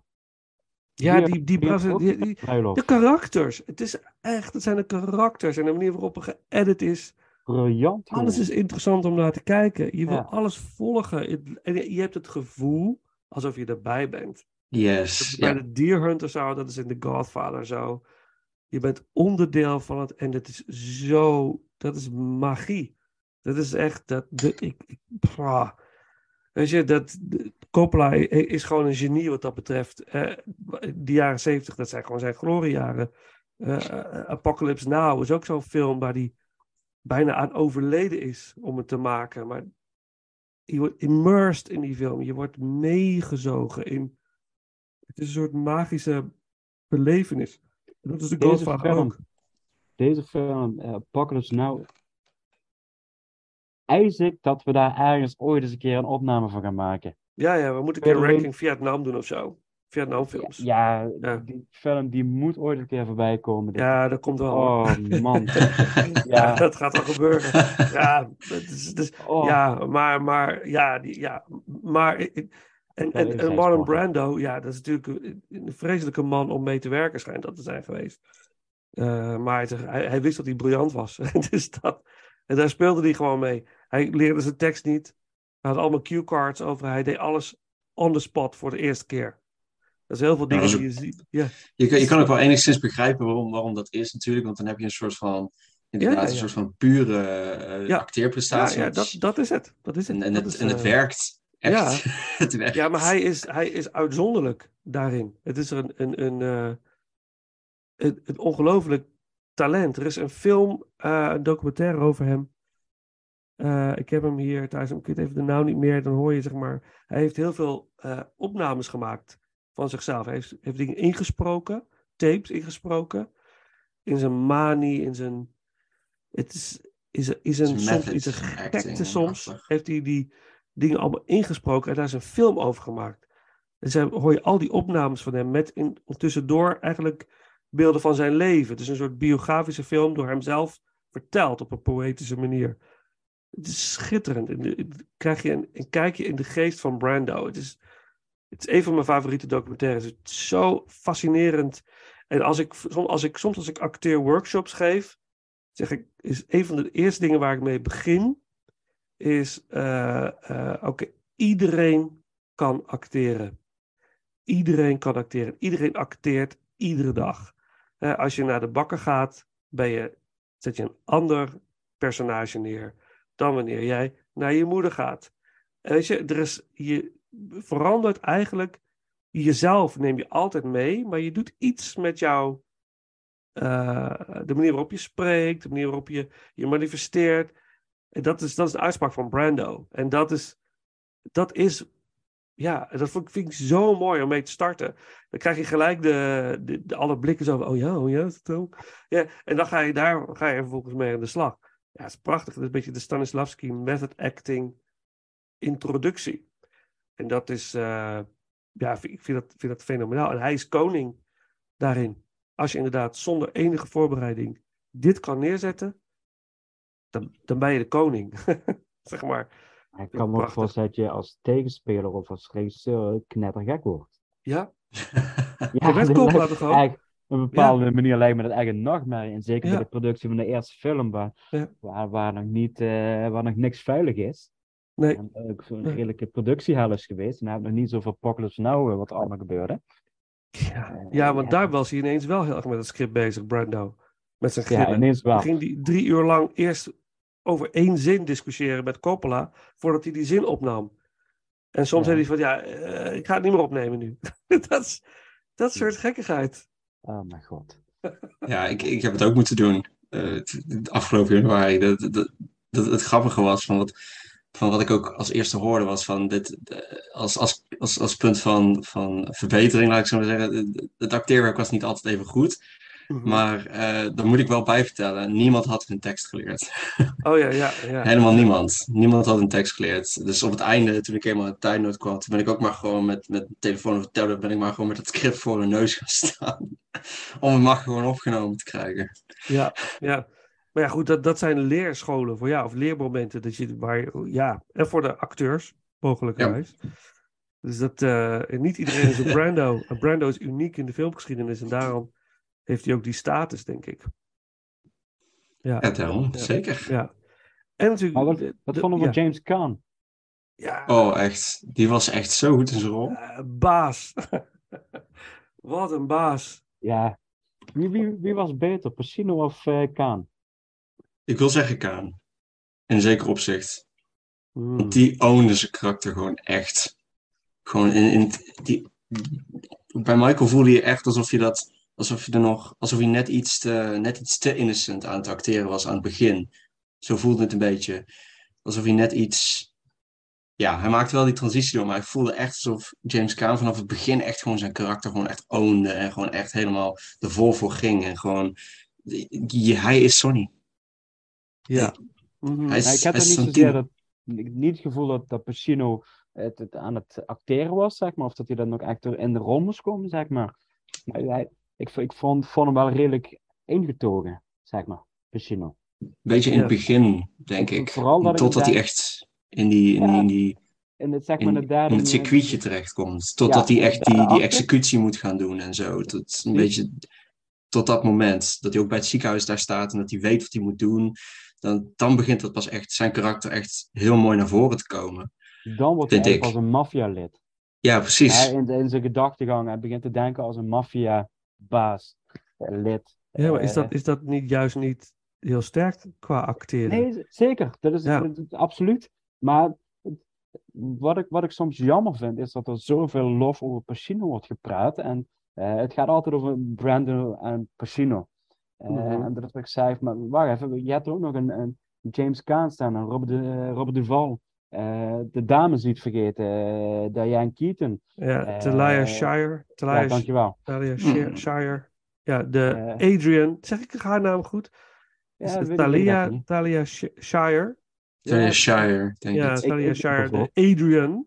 Adrian, ja, inderdaad. Ja, maar ik vind eigenlijk, als ik even op aandenk op. Ik, ik vind het lastig om te zeggen wie, wie beter is. Ik, ik denk dat James ik Caan wil een heel duidelijk karakter, heel energiek, heel, heel erg energiek in beeld. Dus dat, dat blijft heel erg hangen. Maar ik vond de, qua ontwikkeling vond ik Pacino beter.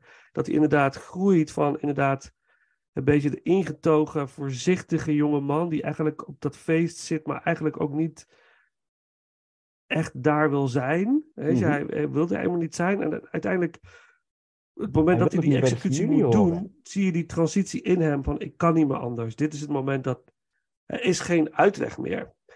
En dat, dat vond ik, eh, dat Ja, zie je in zijn blik. in. Maar, Ja. maar dit, is- dit is wat ik zeg van, die, andere acteurs worden soms vind ik eh, ondergewaardeerd. Ja, daar ben ik met je eens. 100% dat, mee eens. Kijk, Ja. die, die Sonny, James Caan, die Sonny speelt, die, de heethoofd van de familie.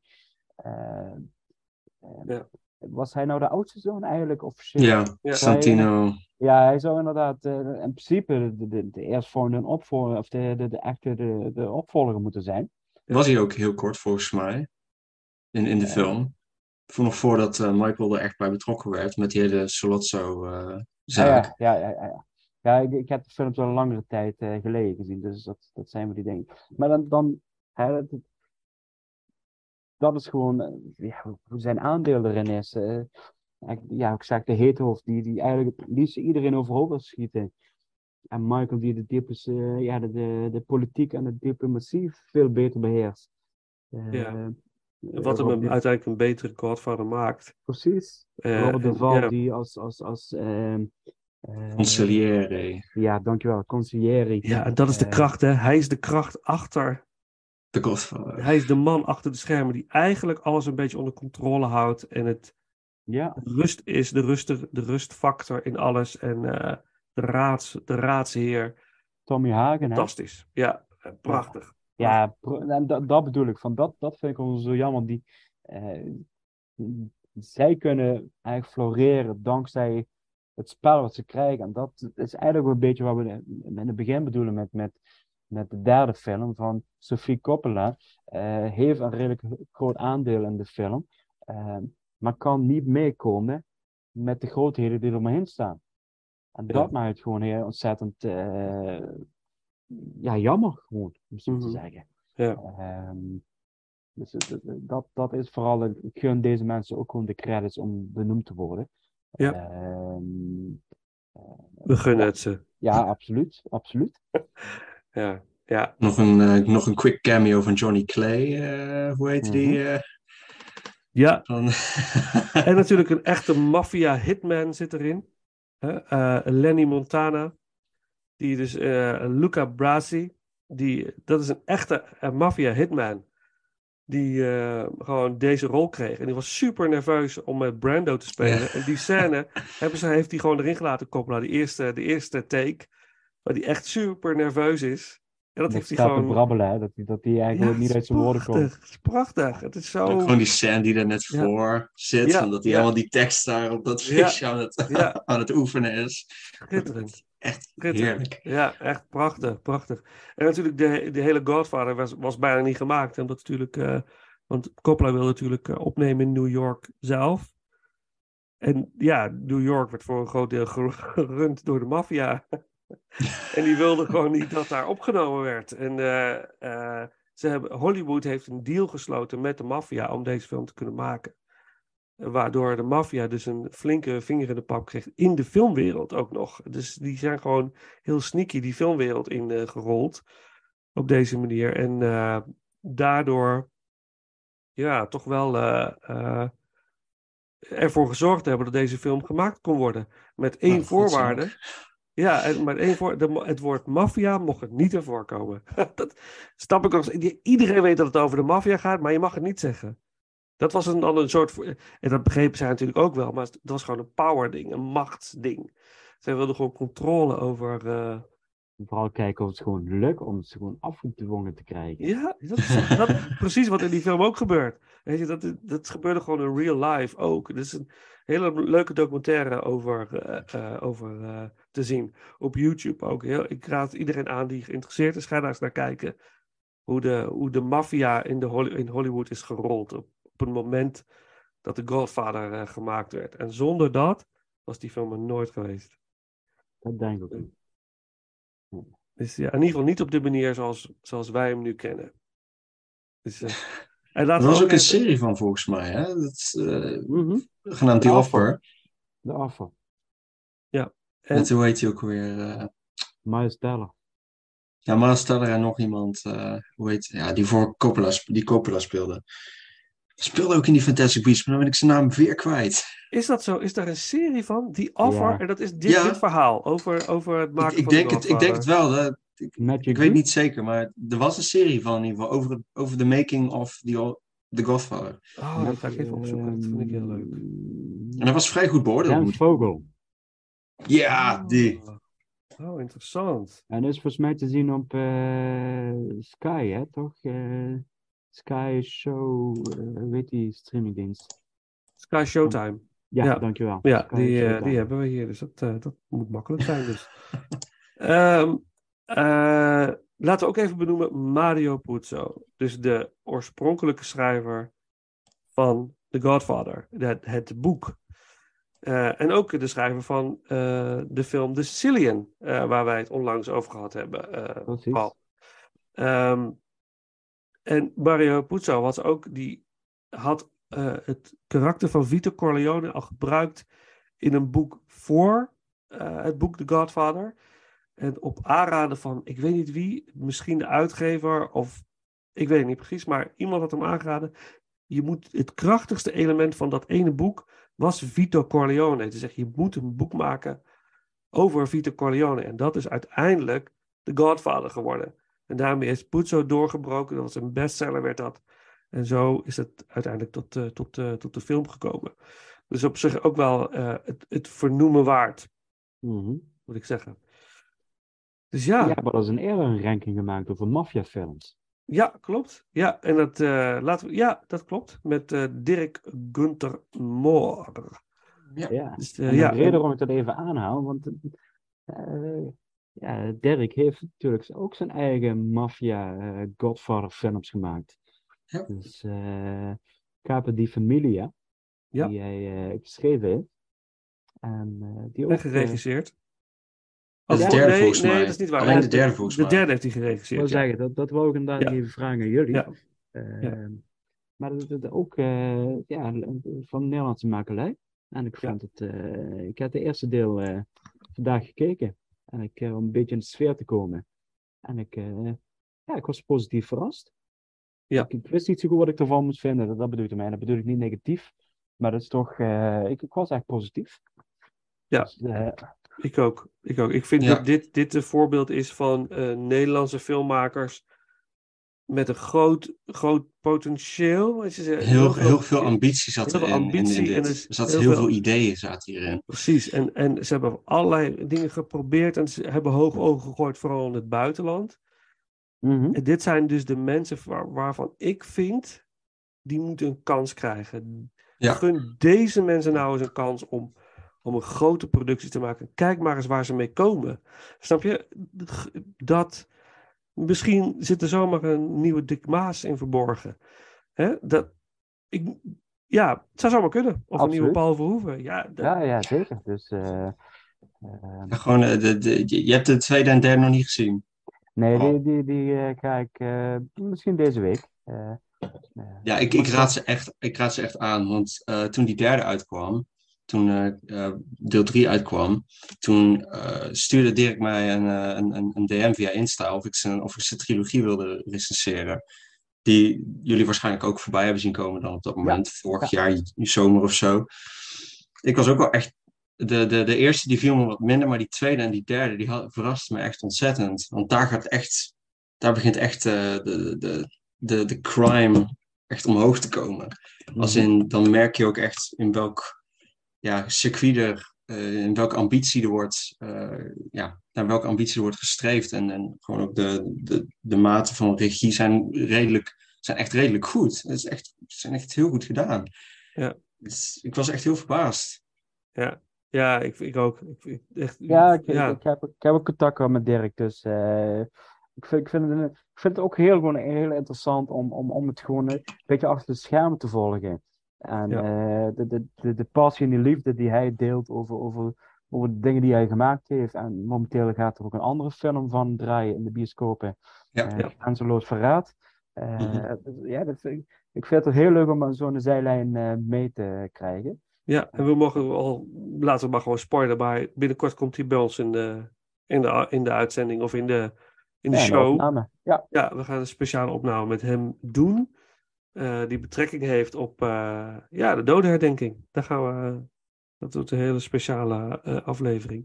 Dus dan sluit hij weer aan, dus dat vind ik superleuk. En wie weet, eh, Wouter, kunnen we een keer met z'n vieren eh, wat doen met Dirk erbij, als we een leuke ranking kunnen bedenken daarvoor. Ja, dat is super. Ik bedoel, hij, heeft- hij heeft nu al twee keer gevraagd om onze Ja. films te recenseren. Ja, dus nou ja, ja, super dan moet Ja. het ondertussen wel eh, ja, een keertje. ja, ja, leuk, leuk. We zoeken leuk. alleen nog eigenlijk gewoon een, een origineel idee. Dat, dat is eigenlijk, eh, toch? Voor, wel- voor, voor een ranking bedoel je? voor een ranking dat we Ja. met z'n vieren kunnen doen. Dus Ja, dat, was het ja, vooral. eh, ja, ja, die een beetje aansluit, maar misschien ook niet. We- ja. Ja, we gaan er zeker uitkomen. ja, Dus, dat eh, sowieso. Maar ik zou willen zeggen aan de luisteraars van, eh, hou Dirk in de gaten. Dirk Gunther Moor. Yes. Ehm, Yes, absoluut een, iemand voor in de gaten te houden. Niet alleen voor, maar ook achter de schermen. Absoluut. Blijft ook, ik ga het ook aanraden voor mensen die het eh, dan nog niet hebben gezien, maar misschien dat die dan al op Netflix staat. Want volgens mij had Dirk al aangegeven dat hij in Netflix zou komen. Eh, Grenzeloos Verraad. Ga hem kijken.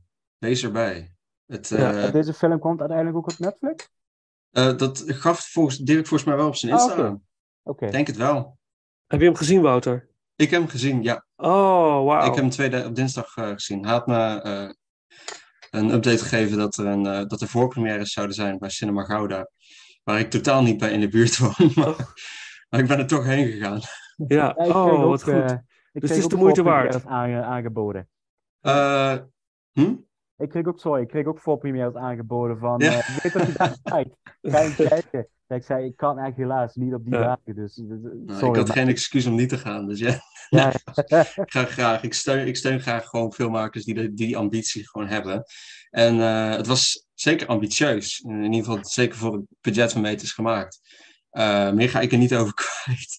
Meer wil Oh, ik er niet over benieuwd. kwijt. Ja, maar het, zien. eh, ga het zien. Ja, ja, gaan we Het- doen. Wees erbij. Gaaf. ja, gaan we, gaan we doen. Ja. Absoluut. Oké, ehm, even terug naar waar we, waar we het over hadden. We hebben, hebben we alles gezegd? Ja, we hebben natuurlijk. eh, er is nog zoveel meer over deze film te zeggen, maar het is allemaal gevoel wat er nog uit moet. Voor, eh, maar alles is, volgens mij is alles gezegd. Ehm, nummer drie was gelijk, nummer twee en één niet. Voor mij nummer twee op nummer één, voor jullie nummer één op nummer één. Dus ehm, zijn er nog dingen die jullie willen toevoegen? Of eh, kunnen we naar, eh, naar de afronding? Nou, ik heb nog één vraagje voor jullie alle twee. Mhm. Ehm, is er een maffiafilm die jullie willen aanraden, die misschien in de buurt komt van The Godfather, maar waar je wel zegt, ik voel hier de liefde van de maffiafilm. Goodfellas. Goodfellas. Goodfellas. Goodfellas. Nou, Zeker. Goodfellas, A Bronx Tale met Robert De Niro Ja, en eh, Casino. Casino. Ze staan nog op, de watch, op, op, op het watchlist. eh, Zeker op de doen. watchlist. En jij, eh, Paul, wat, welke is dat Nee, voor jou? ik, ik, eh, ik, ik, ik, ik heb, ik heb er eigenlijk geen. Want ik ben eigenlijk aan het zoeken. En dat is wat ik, eh, wat ik laatst ook met jou had over seriekillers films. Ja. Van, eh, ik, ik, ik, ik zit soms eigenlijk mijn hoofd te breken van, oh, ik heb, dat ik wel eens denk, oh, ik heb wel eens zin in een echte maffiafilm. Ja. Eh, maar wat, wat zou er dan in de buurt kunnen komen om, eh, om echt te gaan kijken, zeg maar. Goodfellas. Ja, dat is natuurlijk, hebben we gewoon een keer gezien. Maar daar gaan wij nog over hebben. We gaan een ra- een 1990 ranking doen ook. Dus eh, Was daar die dan niet? zal die vast... Oh nee, dat was de 95. Dat was 95 wel, Ja. ja. Casino. Casino Dus, zat eh, erin. die is ja. van 95. Dus Ja. eh, Hey. ja, Goed. Super. Nou, we gaan. Beste, beste mannen, bedankt voor, eh, eh, voor deze ronde. Wouter, bedankt dat je weer bent aangesloten. En we horen je snel weer terug. Dus Zeker. Dat, eh, dat komt eh, helemaal in orde. Ehm, eh, Paul, bedankt. Eh, Graag gedaan. en eh, wij gaan natuurlijk afsluiten met een stukje muziek. En dat doen we met een track gezongen door Harry Connick Jr. Gebruikt door The Godfather Part 3. Heerlijk jazzy. eh, New York vibe. Promise me you'll remember. Dus mensen, ook al dementeer je op je 85ste, promise me you'll remember The Godfather. Oké, maar anyways, eh, lieve mensen, bedankt voor het luisteren. Tot de volgende ronde. Groetjes. Groetjes.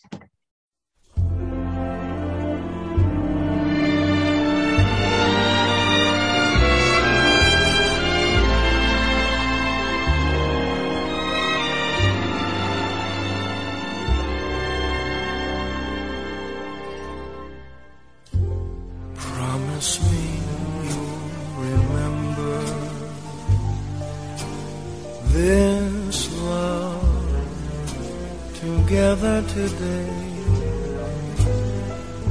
We may not have tomorrow. It's not for us to say. Fate isn't kind to lovers. It breaks the hardest heart. Promise me you'll remember how good we are. Why do I find sadness under your sweetest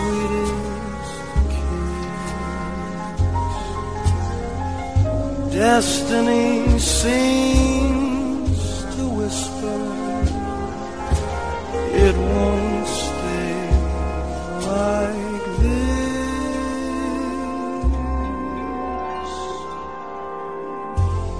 Whenever we're together,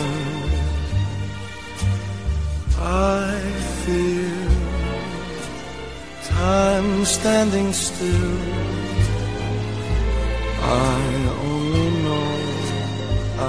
Love you, and I always will. If we should lose